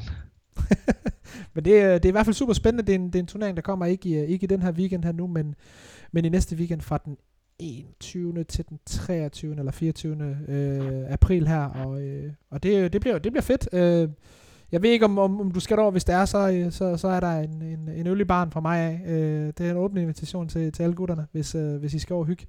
Men, øh, men inden vi, øh, vi afslutter programmet, så, øh, så er der en af de ting, som, som jeg i hvert fald har undret mig meget over, der ikke har noget at gøre med Counter-Strike overhovedet, med, med dig, Torben, som jeg egentlig godt kunne tænke mig sådan, bare lige at høre sådan lidt generelt om. Det er jo, at vi er en verden lige nu, som er meget, hvad skal man sige, online altid. Altså alle sociale medier, du skal være på, og du er jo så også nu, kvad at du arbejder på fjernsynet, blevet en, en personlighed, hvor man på en eller anden måde kan argumentere for, at det der med at have en online persona mm. er ikke livsnødvendigt, men, men jeg har i hvert fald haft situationer, øh, med, ikke med TV2, men med, med, med tidligere arbejdsgiver, hvor at det blev sagt til mig, at jeg blev nødt til at være online, jeg blev nødt til at være aktiv på de sociale medier for at kunne beholde mit job, fordi at det var en stor del af at sælge, hvad skal man sige, det produkt, der nu skulle sælges i, i den virksomhed. Men du er jo ikke så aktiv på de sociale medier. Du har en Twitter, og den er, den er der gang i, og du er også lige kommet på Instagram, og der er også kommet nogle posts, men generelt set, så har du aldrig slået mig som den der person, der, der sådan synes, det der med sociale medier, det er bare bumpen, og du er bare online hele tiden, og deler alle mulige billeder, har alle mulige syge opinions. Du virker meget sådan, ikke, ikke hvad skal man sige, introvert, men meget sådan tilbagelænet og lidt fratrukket fra hele det her race med de sociale medier. Så det kunne jeg bare godt tænke mig sådan at vide, sådan, hvor, hvorfor er det overhovedet, når du tænker over, eller er det bare, fordi det, det overgår du ikke lige? Nej, men det er rigtigt. Jeg har, jeg har aldrig været så god til de sociale medier. Jeg tror, at... Altså nu siger du godt nok, der er gang i min Twitter, men mit andet opslag, det er for, for to år siden. Men, men det, jeg prøver det, det, siger, jeg prøver det siger måske meget godt, ikke? Jeg, hvor, hvor meget tid jeg bruger på det. Jeg tror bare, jeg... Øh, jeg har altid været lidt imod sociale medier, faktisk. Sådan mm. haft lidt et... Øh, og til sidst blev det også sådan lidt et stadig ting, at jeg vil ikke oprette en Insta, jeg vil ikke øh, sådan... Jeg tror bare, at... Altså det er selvfølgelig en længere snak, men jeg tror for eksempel, at sådan nogle ting er med til at gøre mange dårlige ting sådan mentalt ja. for unge, og, og også voksne for den sags skyld. Altså sådan tidsfordriv, men også bare dårlig selvværd og, mm. og andre ting. Øh, og jeg prøver også ikke at bruge mobilen så meget. For eksempel hvis jeg er sammen med, med folk, så holder jeg den gerne i jakkelommeudgangen frem for at sætte den op på bordet, når du er sammen med venner. Og det vil jeg også anbefale alle andre til at gøre, fordi... Ja. Det, det er fucking det, svært, men ja, det er anbefaling her. Jeg, jeg er i gang med at lave den der transition, hvor, hvor jeg prøver at gøre det, hvad skal man sige, mindre og mindre, men det, det er fandme svært, når man har været vant til at bare være på hele tiden, og så ligesom lægge det væk. Og det ja. er også det, der skaber den der fornemmelse af, oh, holy shit, det er alligevel noget, der sådan, man tænker ikke over det, når man gør det, men hvis man så får sig selv til at lade være, så ja. bliver man opmærksom på, hvor meget det egentlig er. Helt vildt. Øhm, men som du også selv siger, så er det, er det jo efterhånden blevet sådan en, en, en helt integreret del af, af mange arbejdsliv også, og nu har jeg så også mm. oprettet en Insta for, for ikke sådan super længe siden, lidt med tanke på, at ja, øh, er det noget, man eventuelt kan bruge i en lønsamtale i, mm. i, i, i mediemiljøet og have følgere og, og sådan nogle ting, som er oprettet en, en person, ikke? Det er, det er jo noget værd, at du kan reelt tjene penge på, at hvis du har ja, ja. Øh, så skille følgere, det er jo også skørt nok i sig selv at tænke på. Så jeg ja, ja. prøver lidt at, at, komme med på gamet, men uh, jeg er nok sat lidt bagud fra start. Men, men det er også, det er også en, en, en, en sjov ting, fordi det er jo, ja, det er i hvert fald, med, med nogle af de folk, som jeg ligesom i hvert fald følger med i, i livet, i livet på, om det så er, er atleter, eller om det er folk, der, der, der er i medieverdenen, eller om det er bare folk, der, der har nogle interessante meninger om, om mange forskellige ting, øh, også ting, der slet ikke er relateret til, til e-sport og CS. Men for mig, der, der, falder, der falder de interessante mennesker, jeg i hvert fald ynder at følge med i, de falder i to meget specifikke grøfter. Enten så du du helt, altså nærmest væk. Enten så er der nogen, der kører dine sociale medier for dig, eller også så er de der bare ikke. Så det, det gider de ikke at bruge tid på. Så må du finde dem og deres opinions via andre ting. Om det er så et interview, eller om det er en dokumentar, eller, eller what, whatever der egentlig foregår. Eller så er de den fuldstændig modsatte grøft, hvor der er konstant nyheder. Du kan nærmest se, hvad de spiser til morgen hver dag. altså nærmest et overload ja. af. Ja, ja. Og, og det, er sådan, det, det, det, synes jeg er lidt sjovt, fordi der er jo interessante mennesker på, på, på, på begge sider. Der er jo nogle folk, hvor at, jamen, jeg synes det er egentlig på, på en eller anden måde, det er meget sjovt at følge med i, hvordan en, en, en dag i livet er for en mm. eller anden, der, der er super spændende. Men på den anden side, så slår det også bare hårdere, når, øh, og igen, super obskur reference, men jeg har lige set en dokumentar om Tony Hawk, hvor der så er en af hans tidligere skateboard-kollegaer, der hedder Rodney Mullen, der giver et interview. Han er ikke super meget på sociale medier, smider også lige nogle, nogle rimelig sindssyge quotes øh, fra, fra, fra alle mulige forskellige filosofer og sådan noget ind i den her skateboard-dokumentar. Og han er bare sådan en person, der bare sådan, du kan, du, du kan se ham i den her dokumentar, og så kan du komme og snakke med ham i virkeligheden. Det er sådan det. Og det er super forfriskende. Altså, ja. men, men, men det er også lidt et, et valg, man, man skal tage. Altså det her med, hvor meget man vil give af sig selv. Og det tror jeg også mange CS Pro-spillerne er begyndt at finde ud af nu. Ja, ja. Og altså, jeg tror da også, i, apropos det der med at bruge det i lønsamtaler, det tror jeg da også, at spiller et af, hvad de, hvad de bruger ind på, eller hvad de kan præstere på server, men andet er, hvad, hvad, kan de, hvad kan de tilbyde? Altså, kan du signe en Fallen, der har hele Brasilien i, i, i baglandet i, i, i bagryggen, mm. ikke? Altså, det, det, har, det har jo enormt meget værdi for en organisation. Og det er også det der, hvis du tænker på det sidste ende, altså især i CS øje med, jamen det her med, at jamen det er jo en business, altså, mm. og, og alle de der mennesker, der har lagt uh, utallige millioner i det, de forventer på et eller andet tidspunkt at få en, en return på deres investment. Øh, så, så, så det er også det der med, at du skal sælge et produkt i sidste, i sidste ende, og det er også der, hvor det bliver sjovt, når, når en karriere for eksempel er, begy- er begyndt at lagt mod enden, så man kan i hvert fald argumentere for, nu leverede han lige en 1,53 rating i en kamp tidligere i dag i Fallen, men man kan argumentere for, det er i hvert fald ikke lige så godt, som det har været for en spiller som ham, og der er mange spillere, der er i samme båd, at hvordan udvikler man sig så? Fordi at i, de, de traditionelle sportsgrene, der vil der jo være en, en, en mulighed for at komme ind og lave noget, noget, hvad skal man sige, arbejde på fjernsynet, eller arbejde i klubberne, fordi klubberne er så store. Men det er der jo ikke rigtig i CS. Du skal nærmest selv skabe dit eget job, når du er færdig som spiller. Om det så er via stream, eller, eller om det er, at du vil ligesom Bubski tage chancen, og så prøve med, med at kommentere, eller lave noget helt andet. Men mm. det er ikke noget, der bare sådan lige... Der står ikke en masse mennesker, og bare lige siger, hey, kom her ind og få et fedt job og en masse penge. Mm. Det er ikke fordi Valve ansætter. Øh, Men de fleste skal jo tage et, et, et løntab, når de er færdige med at spille, hvor de andre sportsgrene, i de, der, der kan du faktisk tjene flere penge ved at være ekspertkommentator på national tv, end du mm. måske kunne, da du var spiller. Men det er, ja. det, det, det er sjovt, altså, det er jo også noget, som, som du måske har, har, har tænkt lidt over, fordi du, du nu har ikke tjent mange penge som spiller, men, men du har i hvert fald du er i gang med at lave en karriere nu, efter du har ligesom har spillet, og nu skal vi ikke komme ind i personlige finanser, men jeg vil da gætte på, at, at det er en mere stabil indkomst, end det nogensinde var at være spiller, øh, og, og måske også en mere stabil karriere. Øh, det er det helt sikkert. Så har jeg ikke sagt for meget. Så højt niveau spiller jeg jo aldrig på, at det var der, Ej, hvor at, at, uh, man bare kunne uh, skyde, uh, skylle champagne ud i, i vasken. øhm, og så en anden ting, det er, hvor mange timer man bruger på det. Mm. Det er som spiller, og, og det er jo lige meget, om du spiller, altså du ligger nummer 1 eller, eller, nummer, eller 25 i verden, så bruger man så mange timer på det. Altså, det, man kan, man, ens eget personlige liv bliver på alle måder sat til side. Øh, mm. det er et meget stressende liv også øh, turneringer hele tiden, og man skal måske også ud og rejse. Og, og det, ja, det, det fylder bare så meget i, i ens liv, og det, det, det er rart at, at kunne sige ja til, til en fødselsdag på lørdag, eller mm. tage biografen. Og det er jo egentlig, hvad skal man sige, nok det, nu, nu er vi allerede lidt, lidt over tid, men jeg tænker, det sidste spørgsmål, som er, som er rigtig sådan, i virkeligheden stort, det er jo, hvis, hvis du kunne vælge lige nu, øh, lad os sige, at du kunne komme tilbage og spille, og du kunne tjene det samme, som du gør lige nu på, på TV2, men du vil have den her ekstra arbejdsbyrde her med, at du vil, du vil skulle spille så meget, du vil ikke have noget tid, men du vil til gengæld få chancen for at tjene endnu flere penge, men også chancen for måske at, at komme længere i spillet rent kompetitivt. Mm. Hvad, hvad vil du vælge nu, og, og, og hvorfor, og hvordan sådan stemmer det ind med, med den måde, som du måske ser din, din generelle hverdag og dit liv lige nu? Øhm, så det, det, det meget store fald om, at det er, hvem kan jeg spille med, fordi mm. dengang jeg startede i Fraxers, så var det jo det var ren venneplan, altså det var ren hygge, det var, ja. øh, altså det, det var IL mates, ikke? Og det er jo, altså hvis, hvis man kan rejse med folk, man, man nærmest kategoriserer som sine bedste venner, og være på den her mission sammen, og det er jo også det fede ved at spille hold CS, det er den følelse af, at vi, vi er på en rejse sammen, vi kæmper mod det samme mål, vi, ja. vi, vi sigter øh, efter, efter skyerne sammen, ikke? Det er virkelig, det er der det smukke er for mig, at det er det, der gør, at man møder op til Prag, og lige har set den der ekstra demo for at inspirere, inspirere de andre, ikke? Og, og, og sprede det gode humør.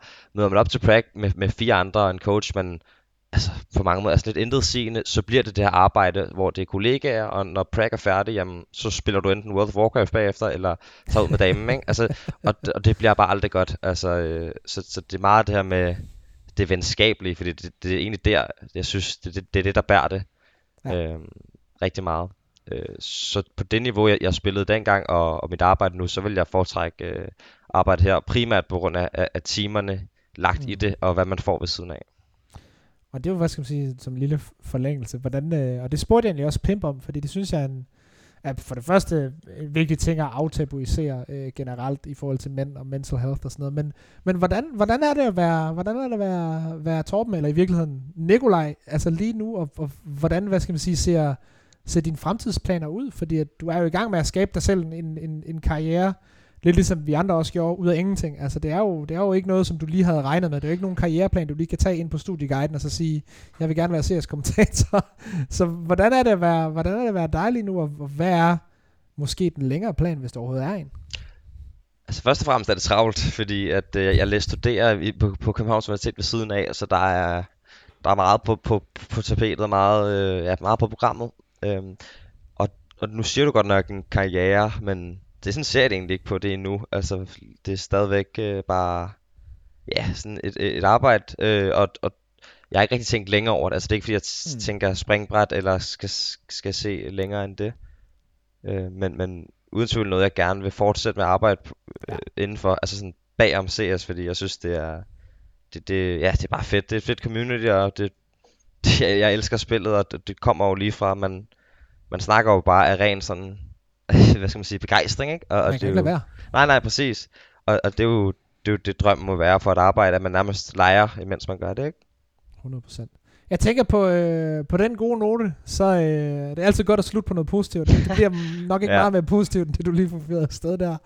Så, øh, så tænker jeg, det må, det må være programmet for i dag. Det er lidt en tradition, at, øh, at dagens gæst får lov til at sende et skud ud, så hvis der er nogen, der lige skal have lidt ekstra kærlighed, øh, kæresten har været populært, øh, jeg har jo, jeg har jo personligt skuffet over, at der ikke er nogen, der har givet et skud til deres lokale pizza, eller sushi joint, eller et eller andet fedt, så øh, inden, inden vi slutter programmet, så kan du øh, lige få lov til at give et, et skud til nogen, der, der fortjener lidt recognition. Så vil jeg sige skud til Niels, der bor nede i stueetagen, der altid øh, holder døren for mig, når jeg kommer hjem med varerne. det tror jeg, det er det bedste, vi har haft indtil videre. Det slår alle kærester. Det er fandme, det er fandme i orden. Men et uh, stort skud til Nils. Fantastisk navn selvfølgelig, der, der altid holder døren. lyst det derude. Og så vil jeg gerne sige tusind tak til, uh, til sponsoren for i dag, selvfølgelig Steel Series, vores gæst Torben Jorden, a.k.a. Nikolaj Morum. Og så tusind tak til alle, der støtter ind på Patreon. Patreon.com slash 10 kroner i måneden, hvis I har lyst. I skal også lade være, hvis I ikke har lyst. Men det er i hvert fald Peter, Christian, Sune, Mads, Lars, Christian og Stefan. Skud til jer. Og så er der ikke meget andet at sige end tusind tak, fordi I lyttede med, og vi ses i næste uge.